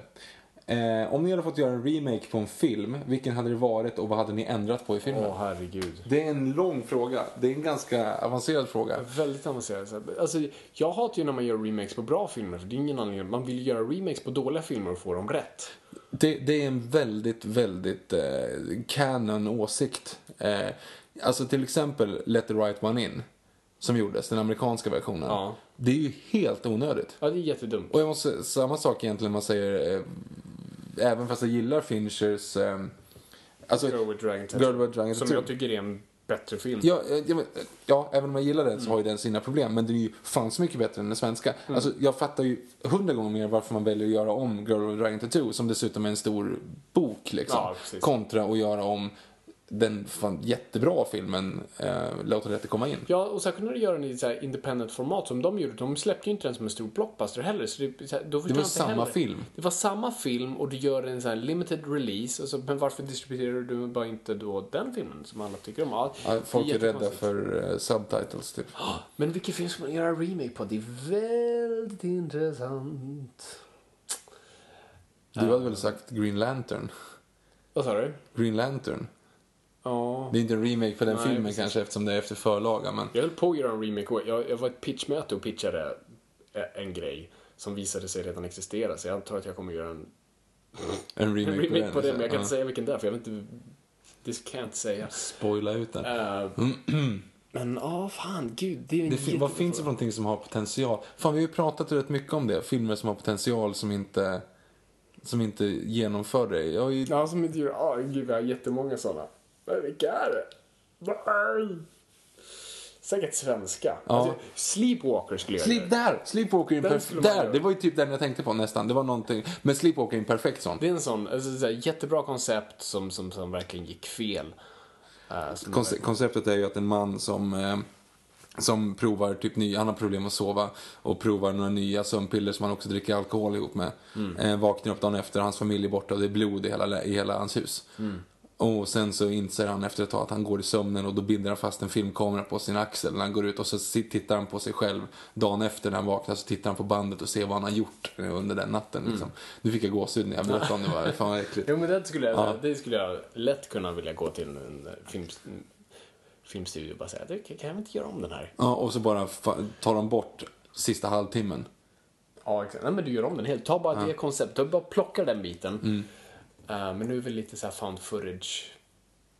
Men det, är ju inte lite. found footage, det är ju bara, han tittar Ja, ju men själv på det lite found sådär- Ja men footage. det är lite så här paranormal grejen av så här videokamera-perspektiv och Men sånt nu där. får du köra med GoPro istället, det blir bättre kvalitet. Ja just det. Mm. För han tejpade ju faktiskt fast en sån här en, och ett, Fast- fyra, fyra, fem kilos Jo, kamera men på fast axeln. det är det som gör den filmen lite briljant. För att det var ett visuellt grepp som var ascoolt. Mm. För det såg jättebra ut filmiskt och på en poster, vet någon som har en kamera på sin axel. Hur fucked det är jättetråkigt att ha en sån här hjälm som alla skateboardar har. Ja, en den är ganska på. ful Hur kul är det liksom? Det ser ut som en jävla idiot. Men en kamera så är fasttejpad, det ser så brutalt ut. Alltså den posten är också snygg, när den är i eh, night vision-versionen och bara det, jag tänkte inzoomat att på Det är jättebra, så jag skulle, jag skulle inte ändra på det alls. Jag skulle liksom göra så då att liksom han, han tar den här gamla kameran de har haft i familjen i tio år. Så det är fortfarande sån här DV-kamera, han har några Mm. liksom DV-band kvar. Titta på dem. Ja, jag tror absolut att du kan göra på den biten. Och folk säljer ju fortfarande sådana kameror. Alltså, du kan ha en DSLR-kamera eller vad som helst. Nej, det, det tycker jag är en, en bra, det är en bra, ett bra svar på den frågan. Ja, jag tror det. Jag, sitter jag, vill ju bara komma på fler nu. Eh, Men ja, nej, det, det var bra. Bra koncept. Mm, fortsätt. Eh, ska vi se här. Rickard Stråle skriver också på Instagram. Det är ju fortfarande sällsynt och med kvinnliga superhjältefilmer. Och i Avengers och kommande GLA är det dessutom väldigt mansdominerat. Trots att det inte är i samma utsträckning som i serierna. Varför har det blivit så tror ni? För världen. Eh, nej, alltså jättebra fråga. Det, är- alltså, det är ju tyvärr, världen ser ut så. Alltså, eh, och allt gjort det är skittråkigt. Ehm, och, och serietidningar är reflektion av världen. Alltså, superhjältar skapas på 30-40-talet och kvinnor inte har så mycket plats i samhället dessvärre. Uh, och det är ju på något sätt reflekterat i då, liksom, det fin- har inte funnits så många. Um, och sen har studion bara, st- som studion är, skitskraja för, för liksom, de tror att kvinnor inte är en marknad. Och det är ju rent av bullshit för att vi ser nu i Marvel-filmer så är det liksom lika många kvinnor som män som, som går och ser dem. Man kollade nu, man gjorde någon undersökning, man kollade på hur många, vilka som läser serietidningar och nu är, nu är det nästan 50-50 där också. Så marknaden är liksom där. Så det, nu är det inte ens en fråga om att kvotera in utan det är en, det är en marknadsfråga av att så här, det finns en marknad, fyll den. Ja, men dessutom, den här har ju vi pratat om mest många gånger förut. Alltså, du, du, inte ville, du inte kunde identifiera för någon om de inte hade en penis. Eh, det var ju lite adlib, eller det var ju lite parafraserat kanske. Men, men alltså den grejen. Jag tror inte att det är ett problem att kvinnor inte kan säga, åh nu är det 50% kvinnor som tittar på filmerna, nu kan vi ha kvinnor. Bara, vad fan det kan man ju ha ändå. Kolla Game of Thrones till exempel, nya säsongen nu. Fan, det, det är ju kvinnorna som, som är där. Det, alla män är ju förvisso mördade, men alltså det, det är ju kvinnorna som är där. Det är ju de som, liksom, som driver storyn. Det är ju liksom Daenerys Targaryen, eh, Cersei Lannister och eh, Arya Stark. Det är ju de tre egentligen nu det handlar om. Liksom. Nej, och bara kolla på... Och det är ju ingen som, det är ingen som, killarna bojkottar ju inte det för det. Det är ju argumentationer. jag- Nej, exakt. Alltså, jag, jag har aldrig trott på den här biten av att säga, ah, jag måste ha en vit man för att jag ska kunna... Alltså, det någon drog exempel för ett tag sedan, kolla Zlatan Ibrahimovic. Mm. Alltså bara liksom, om man kollar på ren liksom, så här, utseendemässigt och det ytliga i det hela. Liksom. Alltså, det är inte så att vita kids bara, nej, jag kan inte relatera till den Nej, snubben." jag, Alltså, jag tycker inte om honom för att han inte är som jag. ut som jag. Eh, och sen vice versa. Och samma sak tror jag med, med tjejer. Liksom, jag älskade Wonder Woman som liten och skett fullständigt i vad hon hade mellan benen. Liksom, det var en ascool karaktär. Och bara kolla nu Batman visar upp man. Alltså, man gjorde också en undersökning där. Så här, vad var dina favoritdelar i eh, Batman visar upp man? Och, och konsensusen var Wonder Woman. Mm. Och alla recensioner sa i stort sett Ben Affleck bra, Wonder Woman bra. That's it. Och alltså, när vi såg Batman visar upp man, det var ju hurrop applåder när Wonder Woman dök upp. Oh, ja. Så att... ehm, alltså jag tror att Wonder Woman, om filmen är bra, jag är orolig, om den är dålig så kommer man skylla på att det var en, alltså liksom, ah, det var en kvinna i filmen, därför gick det dåligt och inte att filmen var dålig. Så om den nu är bra så kommer det öppna upp liksom, på nytt igen. Jag ska säga, jag tycker inte, alltså Black Widow har man ju redan utforskat så hårt. Eh, så att jag tycker inte att man ska köra en fristående film på det som, eller som folk snackar om. För att det känns som att du har, redan har den karaktären nu. Nu har hon liksom varit med överallt och sådana saker. Men, men det måste ju finnas så extremt mycket mer som man inte liksom har sett. Absolut, de kommer göra eh, Captain Marvel nu, men jag är dock mot det. Jag skulle gärna vilja se en, en Black Widow-film. Jag skulle vilja bara... Alltså hon får all, man får aldrig komma in på djupet på henne. Så som hon är med i varenda film så är hon väldigt liksom så här, distanserad från... Och jag skulle vilja ha en cool spionthriller med henne. Uh, springa runt i Ryssland i stort sett och mörda människor. Det hade varit ascoolt. Så att eh, den filmen vill jag se. Eh, så, nej, men jag tror det, det kommer, det kommer. Vad fint ändå att, att det var du som drog fotbollsreferensen Fabian. Med, med Zlatan? Ja. men jag hörde det här om dagen tyckte de var väldigt bra. Det var lite otippat. Ja, jag vet. Men Zlatan vet ju alla vem det är. Det är lite som så här en, en, en... Har du sett en allsvensk match någon gång? Du menar allsvensk... Det är inte landslaget, va? Okej. Jag tar det som ett nej. Nej. Allsvenskt är alltså det, det Vi, vi pratar om alltså svenska ligan. svenska ligan med... Djurgården, Ja, okej. AIK och Jo, Göteborg, men du, har, Malmö. du har ju tagit poäng på ett par matcher. Så att eh, jag har ju sett några matcher med dig. har, har vi varit på en allsvensk match? Ja, det har vi ju. Vi har varit på landslaget, vi har varit på bandy, men har vi varit på en allsvensk match? Yes, jag kan komma ihåg. Vilken då? Det var Djurgården mot något annat. Och Djurgården förlorade. Ja, men det gjorde de alltid då, ändå. Så. Vi var på Tele2 Arena. Ja. Det kan ha varit... Just det, det var väldigt dålig match att gå på. Det var en jättedålig match. Eh, För det var, vi gick på, det var Djurgården BP. Mm. Hemma 2000, måste vara 2014. För det var, för det var med, med ehm, just det, just det. Det var då när vi egentligen var bra men vi torskade med 3-0 Mm. mot Brommapojkarna. Det var typ 6000 pers på plats. Men du måste ju gå på någon riktig Men jag har match. ju gått på två, alltså en gång, det, det är också två, jag har gått på två med dig, så att minst två. Och sen har jag sett också någon, alltså, inte, äh, landslag. Landskamp. Men det är inte samma sak. Nej, du har ju inte sett riktiga liksom, det här som allsvenskan är bra på. De här liksom... Ska vi gå på derbyt? Ja, vi, vi kan gå på derbyt någon gång. Jag vet inte, vad är skillnaden på derbyt och allsvenskan? AIK-Djurgården alltså. Är det ett derby? Det är derby. Vad är ett derby? Derby är två lag som, alltså det, det finns ju ingen riktig definition, men två lag som är typ Rivaler. nära varann eller rivaler. Alltså ofta ska det vara geografisk närhet. Jaha, så Stockholmslagen. Alltså Stockholmslagen säger ju derby. Du säger till och med derby, alltså när du verkligen försöker så kan du säga att, att, att eh, Djurgården Brommapojkarna är ett derby också för att det är liksom nära. Okej. Men, men de riktiga, alltså typ Göteborg, Gais, eh, vissa kallar väl eh, eh, Malmö, Helsingborg också ett derby för att de är liksom nära. Mm. Och sen i hockeyn börjar med bara sån här typ, du vet, E4-derbyt. Alltså Linköping och Jönköping. Alltså, Ah, okej. du vet, de, de kan stretcha där ganska långt. Ah, ja. Men hur fan vi ska gå på Vi, Stockholms vi kan derbyt? gå och så kan vi göra en grej av det. Inte om vi ska periscopa det eller vad. Men jag vill inte sitta med, med fansen. Det är för intensivt. Bengaler och Vi, se, vi, för första Vi så sitter på man ju inte långsidan, vi sitter ju inte bland bland bengalerna. Det finns ju ingen som sitter och bränner bengaler. Det är klart de gör. Om de, någon avfärdar så, så, så sitter någon där. Du har inte varit... Okej, bra. Men då gör vi det. Då går vi på derbyt nu. Det är ju i... mm, Ja, det är rätt snart. Ja, men vi går på derbyt och sitter på sittplats. Så Vänta, gör måste vi. jag gå? Jag Jo, men det gör vi. Nu hör ju alla här ute. Vi går på... Det är Friends Arena dessutom. Det är nära. Okej, men, men som sagt, vi sitter på, på Ja, ja, vi sitter- vi sitter- bland barnfamiljerna. Ja, vi sätter oss med barnfamiljerna och så kollar vi... Det blir AIK och Djurgården nu då. Så jag blir lite nervös. Jag vet att det blir det. Det är ganska roligt att se. För att jag har sån så här klyschig så här Green Street Hooligans bild av att Ja. jag kommer bli mördad där och då. Det kommer det absolut Mm. inte med. Jag har gått på fotboll i, ja, alltså aktivt i alla fall i, i 11-12 år och aldrig har det varit något problem. Fast ja, precis. Men, men jag är en sån där som så här, jag drar till mig trubbel. Och inte på sånt där sexigt sätt, utan jag är den som så här, luffaren alltid ser. Vet, den som skriker och bara försöker hitta ögonkontakt med någon att så här, göra något ont mot. Det är mig de ser. Ah, skit. Ja, det är skit. Ja. Men- Nej men det, det är Vi, bra. vi går på det här, Så vi, gör vi gör någon grej av det, om det, om det är Vi behöver Periscope. inte göra någon grej av det. Jo men det är klart, vi, vi måste ju bjuda in, vi måste, vi måste bjuda in de här lyssnarna. Annars, varför pratar vi om det annars? Du kanske ska titta på matchen? Ah, ja, okej. vi fortsätter Annars rapporterar vi om det i, i podden om jag fortfarande lever. Precis. Eh, Det kommer bli mitt Vietnam. Va? ja, men du vet, den generationen som pratar om Vietnam liksom. Man brukar säga att det var mitt Vietnam. Så vissa, vissa brukar säga att liksom Star Wars Episod 1 var deras Vietnam.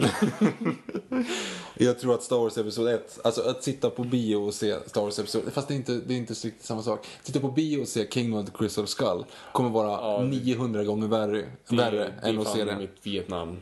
Nästan till. Nej, vet du vad? Spiderman 3 var fan mitt Vietnam. Alltså jag har aldrig varit så så här golvad i en biosal för Jag bara satt och, jag bokstavligen bara gapade. Så vad, vad, jag vet, vad händer? Jag inte, vad gör vi här och hur gick, hur blev det? Alltså, är, jag, blir jag punkt? Jag var så chockad. Ja, Jag var dålig den filmen va? det är inte lätt. Nej, det är inte lätt. Vi går på nästa fråga i alla fall. Vi Ja, vi har fler. några kvar. Yes, kör. Eh, vi ska se här nu. Eh. Simon Sweden, 26 år gammal. Även eh, använder namnet Simon understreck 8907. Står det, aha, eller vänta nu. Varför sa du att han var 26? För att när jag går in på hans eh, profil, för ofta så har du en, du har ju ett, ett namn så att säga. Du har Yes.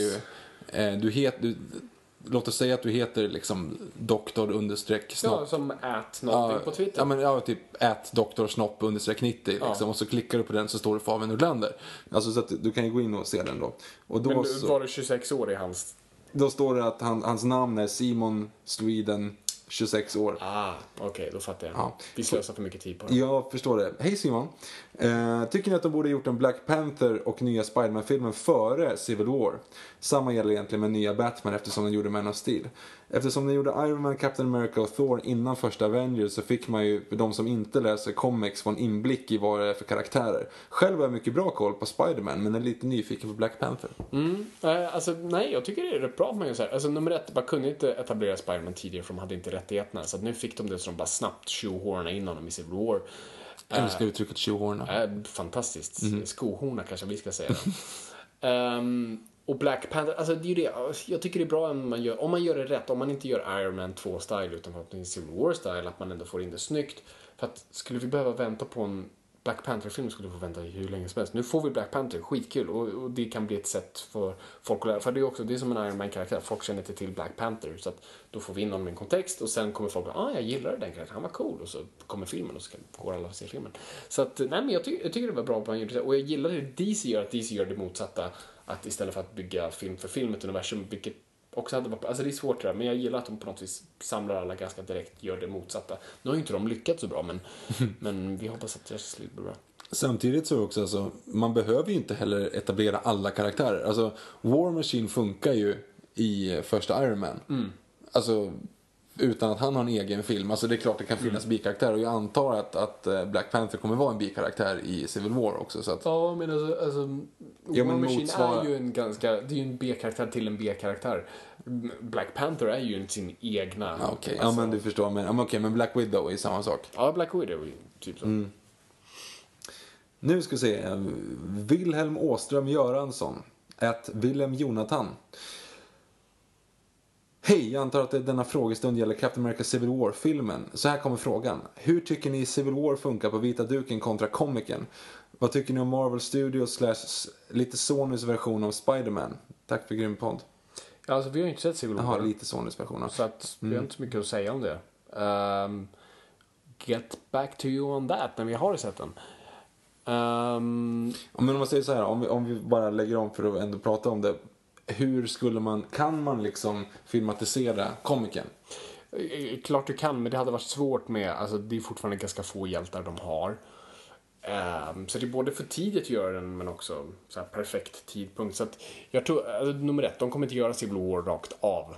De tar premissen av det. Två hjältar står emot varandra rent ideologiskt om staten ska ha en inblick i superhjältar. Ehm, och så blir det krig mellan hjältarna. Det, det är det de kommer, de kommer inte ta händelseförloppen. Alltså jag känner inte igen någonting i trailern som liknar något från serietidningen. Och that's fine, det behöver inte vara så. Alltså Marvel har ju nästan aldrig tagit en story rakt av. Alltså till, även Captain America Winter Soldier bär inga likheter med serietidningen förutom vissa så här beats och sådär, men inga storymässigt. Och, och samma sak med Extremis och med Iron Man och sånt där. Jag kan, finns det någon som har tagit rakt av? Age of Ultron är inte som serietidningen Age of Ultron. Nej, jag tror inte det. Första Iron Man. Inte en serietidning direkt. Den har tagit så bitar från vissa sådär, men inget konkret. Batman vs Superman tog ju bara bildrutorna. Eller ja, eh, Watchmen tog ju direkt av. Typ. Uh, ja, men det är ju en, precis, det är ju en direkt adaption, men det är ju inte i något universum sådär. Ja, alltså. Okej, då skiter vi den. Jag tar tillbaka allt jag sa. Eh, Adam Klingspor, vilka filmer tycker ni är historiens vackraste?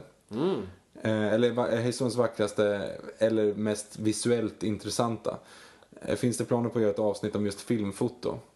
Precis som ni gjorde avsnitt kring filmmanus och filmmusik. Tack för en fortsatt Inga direkta planer, det är lite svårt att. Foto är intressant och säkert när man lyssnar på recensioner av det. Eh, För det är det som är så intressant med foto. är det något jag brukar säga? Nej, just det. Nej, förlåt. Nej, just det. nej, förlåt. Nu tänkte jag bort mig. Jag tänkte, man måste komma ihåg. Man måste komma ihåg att foto är... Nej men här, jag älskar när folk i, i, i podcast säger så här, "Ja, och fotot i, eller podcast i vilka recensionssammanhang som helst. Så här, och, och fotot är så fantastiskt. Och så här, "Ja, men beskriv fotot för mig. Du kan inte bara säga att det är fantastiskt. Jag gör ju samma misstag. Men jag gillar, det är konstigt när folk säger, fotot är fantastiskt. Ja, men förklara. Hur, men foto är svårt att för, jag, alltså, foto, vad som gör foto så intressant för mig är, Viktor förklara för mig skillnaden på filmfoto, alltså kvaliteten på filmfoto och nyhetsfoto. Du ser skillnaden när du väl ser den, men du kan inte förklara det. Eller hur? Det är det jag tycker är. Så det är därför det är väldigt svårt att förklara. Så jag kan säga så här, Batman vs Superman såg skitbra ut, men varför? Jag vet inte. Ibland kan man förklara. Eh, när man pratar om Christopher Nolans filmer är väldigt lätt att förklara för att liksom, han använder sig av naturligt ljus och ett spelrum där kameran rör sig ganska naturligt runt skådespelare så att det finns inga liksom, riktiga points där kameran hela tiden pekar. Och det är en ganska, mm, det är handhållen kamera utan att det skakar och sådär och sagt, naturliga ljuskällor.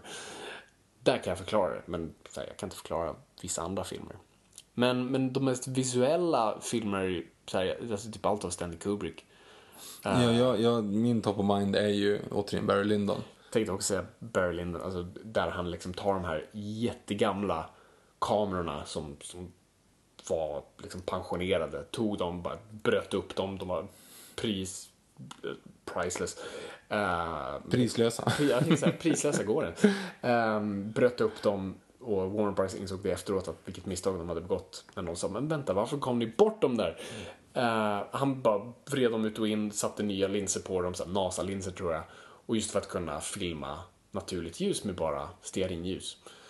Och den filmen ser så otroligt, alltså den är så platt men samtidigt så djup. Det ser ut som så här målningar från 70-talet. Men det är ju det som är meningen. De har ju tagit dem av mål, målningar. Mm. Så den ser jag fanns men, men, men också, alltså 2001 Space Odyssey är helt sjuk. Mm. Otrolig. Och vill bara säga Doctor Strangelove också. Men skulle jag vilja ge, alltså Revenant tycker jag var as-cool. Men det är bara yta, jag tycker inte fotot säger så mycket. Uh... Nej, ja, okej, nu, nu är vi ute på djupare vatten här. Det är faktiskt sant. Den är ju väldigt cool. Alltså om man tänker så här, eh, när de glider i början med scenen där längs vattnet och det är mm. häftigt och så. Häftigt. Men när du väl säger det så ger ju inte det egentligen ett annat djup. Alltså Nej. det ger ju ingenting till storyn. Okej, okay, de här personerna går i vatten. Mm. Det, det, är ungefär som 3D. Alltså det ska vara en sån här immersive, vi känner oss att mm. vi är där. Uh, och det är väl fine, det får man ju göra. Uh, men sen, alltså Alltså man går ju tillbaka till den hela tiden, men Citizen Kane är helt otroligt fotad. Jag har fortfarande inte sett den. Jag vet, vi ska titta på den, jag glömmer hela tiden bort att vi ska se den. Um, hur den man vill säga, alltså klyschigt nog, alltså det här skärpdjupet, att saker som är i förgrunden är lika bra skärpa som det är långt i bakgrunden. Uh, saker man sällan använde då och sällan använder idag. Uh, och, vissa scener sitter man bara och säger, hur fan gjorde ni det där? Jag, jag kan fortfarande inte tänka hur de gjorde vissa scener. Så, så den, den är sån där man bara går tillbaka till. Och, sådär, fantastiskt fotad. Vi får se, det, det, känns som att det här är ett, det är ett svårt avsnitt att kretsa allting kring det, just det här. Det är ju det, för det kommer bli, ja ah, den är snygg. den är bra. Ja, precis. Vi fick också en fråga på Facebook eh, angående om vi ska göra ett avsnitt någon gång med våra topp 10 filmer, alltså favoritfilmer ja, och bästa det, filmer. Just det, just. Eh, får se om det kanske också blir en sån här, någon, någon torr vecka när vi har en lite torr vecka, kanske en specialare då vi så mm. på en halvtimme bara går igenom våra listor. Jag tycker, alltså vi hoppas ju på något sätt att den podden ska förmedla någonting. Ja, och det är lite det också. Nu har ju vi gjort förvisso överskattade och underskattade filmer avsnitten. De, de är väl kanske egentligen inte så informativa utan de är väldigt mycket våra åsikter. Det är sant. Men, eh, men vi ska ju försöka ändå hålla det på någon form av att man kan stå där vid Kom ihåg vad vi pitchade? Vi där vid kaffeautomaten och säga Visste du för övrigt att mm. eh, Sean Connery egentligen har en tatuering? Och personen svarar, låt mig vara, vad gör du här? Precis. Du jobbar inte här. Precis. uh, så ja, vi får se. Någon gång kanske. Som sagt, när det börjar sina eller om vi har en specialare vi vill mm. göra, bara gå igenom våra topp 10. Tips är annars, de gångerna vi dundrar igång en Periscope, då kommer ju de frågorna. Då kommer de frågorna ja. och då får vi, ja precis, då brukar vi adlibba lite. Precis. Mm. Var det frågorna? Det var frågorna. Shit, bra. Uh, långt som vanligt antar jag. Mm. Men ni brukar inte ha några problem med det. Ni, ni brukar ägga oss att fortsätta. Det uppskattar vi. Men fan, vi ska orka lyssna på oss själva också när vi pratar. Och det, jag tycker att det är roligt. Det är, det är kul. Nej. Yes. Uh, nästa avsnitt, vi tror att det blir en, en recension av uh, Age of Ultron, eller på att säga. Uh, Civil War. Civil War kommer det bli och sen så har vi ju två, vi har ju två eh, avsnitt, eller två storfilmer som har premiär nästa månad. Så att vi måste ju nästan klämma in något sånt. Det är... X-Men och Warcraft. Just det, just det, just det, Warcraft också. Det är inte riktigt min forte, men vi, vi, vi, vi löser det på något vi vis. Vi löser det på något sätt. Jag har ju ändå varit lite aktiv i de kretsarna. Och jag, jag, jag ska börja spela antar jag, tills dess. Precis. Skaffa en Paladin. Vi måste ju se till att lira Warcraft 2. Hur har du Warcraft 2? Jag har Warcraft 2. För på Playstation 3 kan man spela vissa Playstation 1-spel. Men du kan inte spela mot varandra på Warcraft 2. Mm. Det är det, alltså på Playstation kan du inte göra det. Det är möjligtvis om vi lyckas ägga igång något gammalt typ Warcraft 3-RIP och spela mot varandra. Det går ju typ inte. Jag, jag, min jag dator kan, skulle inte palla det. Jag kan inget om datorer så att... Uh, noll koll. Det är, det, för övrigt så är det ju det bästa eh, strategispel. Det, alltså Warcraft 3 är ju det... Nej, Warcraft 2 är egentligen bättre. Nej, Warcraft 3 är det tredje bästa strategispelet som gjorts. Tredje? Mm. Så det finns två andra? Ja, eh, näst bästa är ju Battle for Middle Earth som gjordes i, Oh. i cinematiska universumet för eh, Sagan om ringen. Ja, det och bästa är ju fortfarande Age of Empires 2, Conquerors. Ja, okej. Jag har inte spelat någon av dig. Jag kommer ihåg dock Belfort Miller för jag satt Mm. typ och kollade på dig och tyckte det var askul att bara se det. Så att, ehm, Och du ifrågasätter varför kidsen sitter och kollar på folk som spelar tv-spel idag på YouTube. exakt. Jag, jag, jag var verkligen Du den. var föregångaren. Jag var förra gången den som, du vet, kompisen du tyckte om för att han ville aldrig ta kontrollen. Vill du spela? Nej, nej, jag tycker om att titta. Nej, fast du satt ju då i soffan och spelade Age Under Fire och försökte skjuta missiler på byggnader långt bort i förgrunden och se om det blev några explosioner. Jo, det är sant. Men det var senare i livet. Det var, det var mina, liksom, det var Dark years. dark years, precis. Eh, jag försöker komma på en sån här en liknelse. Vilka är så här tuffa åren för någon? Jag tänkte så här musikmässigt, så här, det här var min... Oj, eh, ja men min, min Dylan-syntperiod. Här på 80-talet, efter, efter, så här, efter motorcykelolyckan, när hans röst låter så här konstig. Ja, den tiden. Dylans syntperiod, det var den perioden. Ja. Din, din titta på ett tv-spelsperiod var Dylans syntperiod. Exakt. Jag, jag gick för långt. Okej, ska vi, vi packar ihop det här. Eh, har ni frågor och har vi missat någon av era frågor, eh, skäll ut oss på Twitter eller Instagram, för där finns vi, mm, på Instagram finns vi på atnoipod. Eh, eller så hittar ni oss på hashtag noipod. Eh, Twitter finns vi också på Engberg-Viktor och Fa- Fabian Oglander eller under hashtag noipod också. Hashtag Noipod, det är bara pusha ut hashtag Noipod. Jag ser fortfarande folk som, som skriver till oss, alltså at Noipod på Twitter, Ja, vilket är lite krångligt för att vi ser liksom inte, vi får inte push på dem så vi Nej, måste vi, gå in och kan, leta vi dem. missar dem ibland. Så, att, så att gör helst hashtag noipod. Alltså, sånt, vi, har, vi har bara den där så för, bara for show liksom. Bara Mm, precis. Man ska ha det i den, i, en, i den moderna världen. Eh, så där hittar ni oss. Eh, rate oss på iTunes. Vi finns också på Facebook. Och nu finns vi även på både vet, Vine och Periscope och YouTube och vi finns överallt. Vi finns överallt. Vi har inte skaffat Snapchat än. Det är väl det, det, är väl det sista vi ska över. Ja, För mycket videocontent. Jag kan inte ha en till. nej, gud det kommer bli för mycket. Ja, eh, vi kommer snart vara virtual reality. Ja, Vi kan precis. sitta med oss i podcaven. Vilket man typiskt kan, eller typiskt, typ kan göra när vi lyssnar på kan DVD-kommentarerna. Ja, ja, faktiskt. Där har du det. Ja. det Vi har ju redan, vi har redan virtual reality. Precis. eh, Stereo i dina öron. Som virtual reality fast om du hade varit i ett mörkt rum. Lite så. Det Mm. låter creepy. Eh, jättebra. Eh, är du nöjd, Viktor? Jag är nöjd. Hoppas ni är nöjda. Ja, jag är i alla fall nöjd.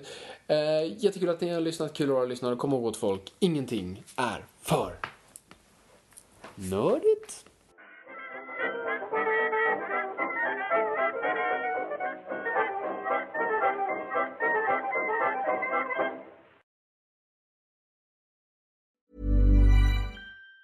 Even on a budget, quality is non-negotiable. That's why Quince is the place to score high-end essentials at 50 to 80% less than similar brands. Get your hands on buttery soft cashmere sweaters from just 60 bucks, Italian leather jackets, and so much more.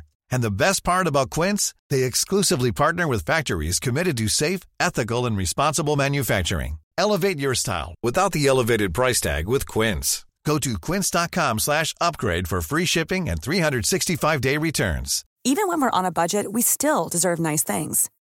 Quince is a place to scoop up stunning high-end goods for 50 to 80% less than similar brands.